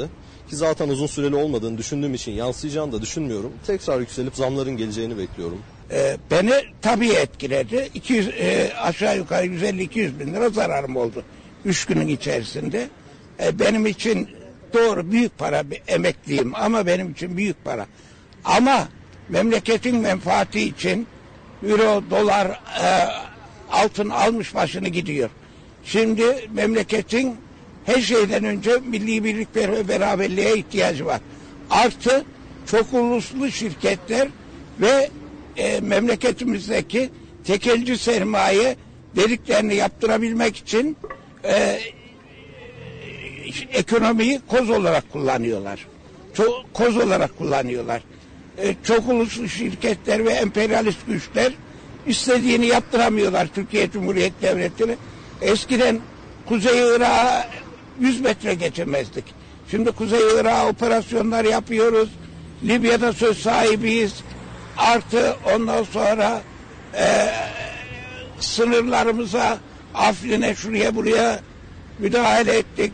Türk dünyasının liderliğini yapıyoruz, toparlıyoruz falan derken İHA'lar, SİHA'lar yaptık. Ben siyasi olarak falan söylemiyorum. Ben geniş kapsamlı, aydın bir kişi, okuyan bir kişi, eğitimci, emekli bir öğretmen, vatanperver biri olarak bunu söylüyorum. Yoksa 100 bin lira benim için büyük para. Tabii beni etkiledi ve üzüldüm de. Ama çimentonun kilosu olmuş, şey, torbası olmuş 65 lira. Taş üstüne taş koyulamaz. Sanayide, ticarette kim kaça aldığını, kaça satacağını bilemiyor. Herkes kafasına göre zam yapıyor. Ardından e, bekliyoruz. Memurlara ne zam olacak? Asgari ücret. Asgari ücret 4250'ye de yükselse, böyle giderse, döviz böyle giderse 14 binde olsa bir şey şey yapmaz. Dolar yüreği bu kadar yükseltmenin ne alemi var? Türk paramızı bu kadar yerlerde süründürmeye. Bizim paramız her zaman için değerli, kıymetlidir. Euro asla almam da alanlardan da hiç razı değilim. Allah haklarını helal etmesin. Kim alıyorsa da. Bizim bir- Anladı- Anladığım kadarıyla döviz tasarrufunuz yok değil mi? Yanlış mıyım? kesinlikle almam da evime de koymam. Yani onu iş adamlarından ilgilendirir bir şey. Halk bundan almasına yani hiç hiç yani çok razı değilim. Peki sizce şey, çok kötü bir şey. Bir şey alacaklarsa altın alsınlar. Canım altına bir karşılığım yok. Ama dolar euro çok kötü bir şey. Kendi param vardır çok şükür. Dolarla euroyla hiçbir işimiz yoktur. Olmaz da olamaz da. Vallahi kardeşim ben daha da çok düşmesini bekliyorum. İnşallah da düşer. Ee, tabii bazılar için bu biraz zarar olacak. Fazladan aldılar gramajını falan. Şimdi de düşüyor. İnşallah daha da devamı gelir. Ya bunu bekliyoruz da. Ha şöyle bir şey var. Benim için pek umursamıyorum. Benim altınım da yok, dolarım da yoktur. Asıl onu alanlar düşünsün. Ama inşallah düşer. Bekliyoruz. Peki sizin bir tasarrufunuz var mı? Döviz olur, altın olur. Yok kardeşim. Ben aldığım maaşı götürüyorum direkt kar- karta yatırıyorum. Başka hiçbir şey yoktur. Ya faturaya yatırıyorum ya karta yatırıyorum. Birikim yapamıyorsunuz. Yani bu zamanda birikim yapmak zor. Ki yani yapamazsın da yani. Ya bence çok kalıcı olduğunu düşünmüyorum ama tabii ki yani eline gelen yapmaya çalışıyor. Pek de inandırıcı gelmiyor bana şu anda. Yani Kalıcı bir düşüş beklemiyorsunuz. beklemiyorum. Sanki böyle biraz daha halkın hani şu anda hani parayı tuttukları için ve her şeyi euro bazına döndürdükleri için sanki küçük günlüğüne kullandırılmak. Yani çoğu kişi bozdurmaya kalkıyor şu anda çok düşüş olduğu için. Öyle düşünüyorum. İnşallah kalıcı olur. Peki sizin bir tasarrufunuz var mı? Döviz olur, altın olur. Yani döviz olarak tabii ben yurt dışından geliyorum zaten döviz olarak getirmiştim. Şu anda da bir tasarrufum yok yani. Peki tasarrufunuzla ilgili planlarınız var mı mesela? Yani Türkiye'nin tabii Türkiye parasını kazanmasını istiyorum ama euro, euro ortada tutuyorum yani şu anda. Efendim tasarruflar olanlar olmayanlar cebinde parası olmayanlar olmayan paraları için e, sevinenler gibi gibi gibi ama toplamda gerçeğimiz şu hepimiz için ülkenin ekonomisinin istikrara kavuşması hepimiz için önemli ve değerli bu kısmı değer veriyoruz bu kısmı önemsiyoruz çünkü bu e, her halükarda vatandaşın hayat standartına yansıyacak bir kriz olmaktan çıkartacak bir pozisyon aldı. E, bunu da özellikle altını çizerek belirtmek istiyorum. Biraz önce bir haber geçmiştik. Bunu tazelemek istiyorum. Çünkü resmi gazetede bir karar yayınlandı. Akaryakıt fiyatlarında yeni bir döneme giriliyor. Resmi gazetede yayınlanan karara göre. Bugünden itibaren ürünlerin fiyatlarında yaşanacak düşüş pompa yerine ÖTV'ye yansıyacak. Söz konusu artışlar hiçbir şekilde 2 Nisan 2020 tarihli ÖTV tutarını geçmeyecek. Yani Türkçesi şu değerli kardeşlerim akaryakıtta indirim var ama size yansımayacak. Sebep yansıyacak kısımları biz önce ÖTV'den düşeceğiz. Mesela e, 2020 bu tarihteki ÖTV tutarı şu benzinde 2 lira 53 kuruş, motorunda 2 lira 05 kuruş, LPG'de 1 lira ÖTV payı olarak devletin alması gereken rakam. Hal böyle olunca bu düşüşler öncelikli olarak ÖTV'ye yani devlete yansıyacak. Bunun altına eğer düşerse fiyatlar siz pompa fiyatlarında göreceksiniz. Bugün 1 lira 10 kuruş LPG'ye indirim yaklaşacak, gelecek. 1 lirasını ÖTV bandını hemen bugünkü gelecek indirimle kurtarıyoruz. 10 kuruşluk bir indirim söz konusu olacak LPG'de. Bundan sonra devam edebilecek indirimler. Yani bunun anlamı şu. Brent petrol fiyatı düşerse ve daha fazla dolar euro düşerse o zaman karşımıza biz akaryakıt fiyatlarında indirim olarak bunu göreceğiz. Yoksa indirimi görme şansımız kalmayacak Salih'ciğim. Bir de şunu söyleyeyim ben de resmi gazete kararlarına e, bakıyordum.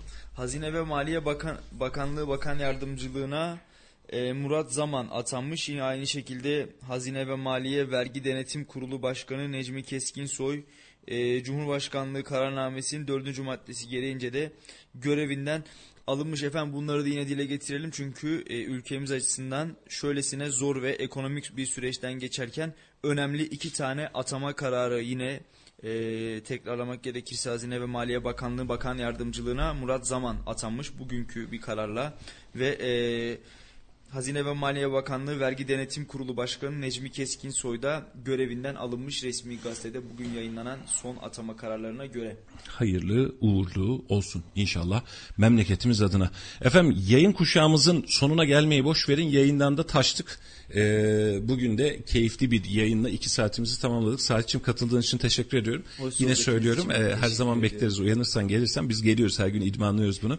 Sevgili dinleyicilerimiz 91.8 Radyo Radar'daydınız. Dinlediğiniz, tahammül ettiğiniz için teşekkür ediyoruz. Size yol arkadaşlığı yapmaya çalıştık. Bize değerli yorumlarınızla, mesajlarınızla katkı sağladığınız için hepinize ayrı ayrı teşekkür ediyoruz. Keyifti sizle beraber bu programı yapmak. Yarın yine aynı saatlerde saat 7 ile 9 arasında Allah'tan mani çıkmazsa burada olacağız. Gelirse Melih ile gelmezse Salih ile idare edeceğiz. bir şekilde bu süreci de atlatacağız. Ee, iyi ki bizdeydiniz. İyi ki bu yayını sizlerle birlikte yaptık. Hayırlı gün ve hayırlı haberler almak dileğiyle güzel bir gün olsun. Ee, hoşça kalın, dostça kalın.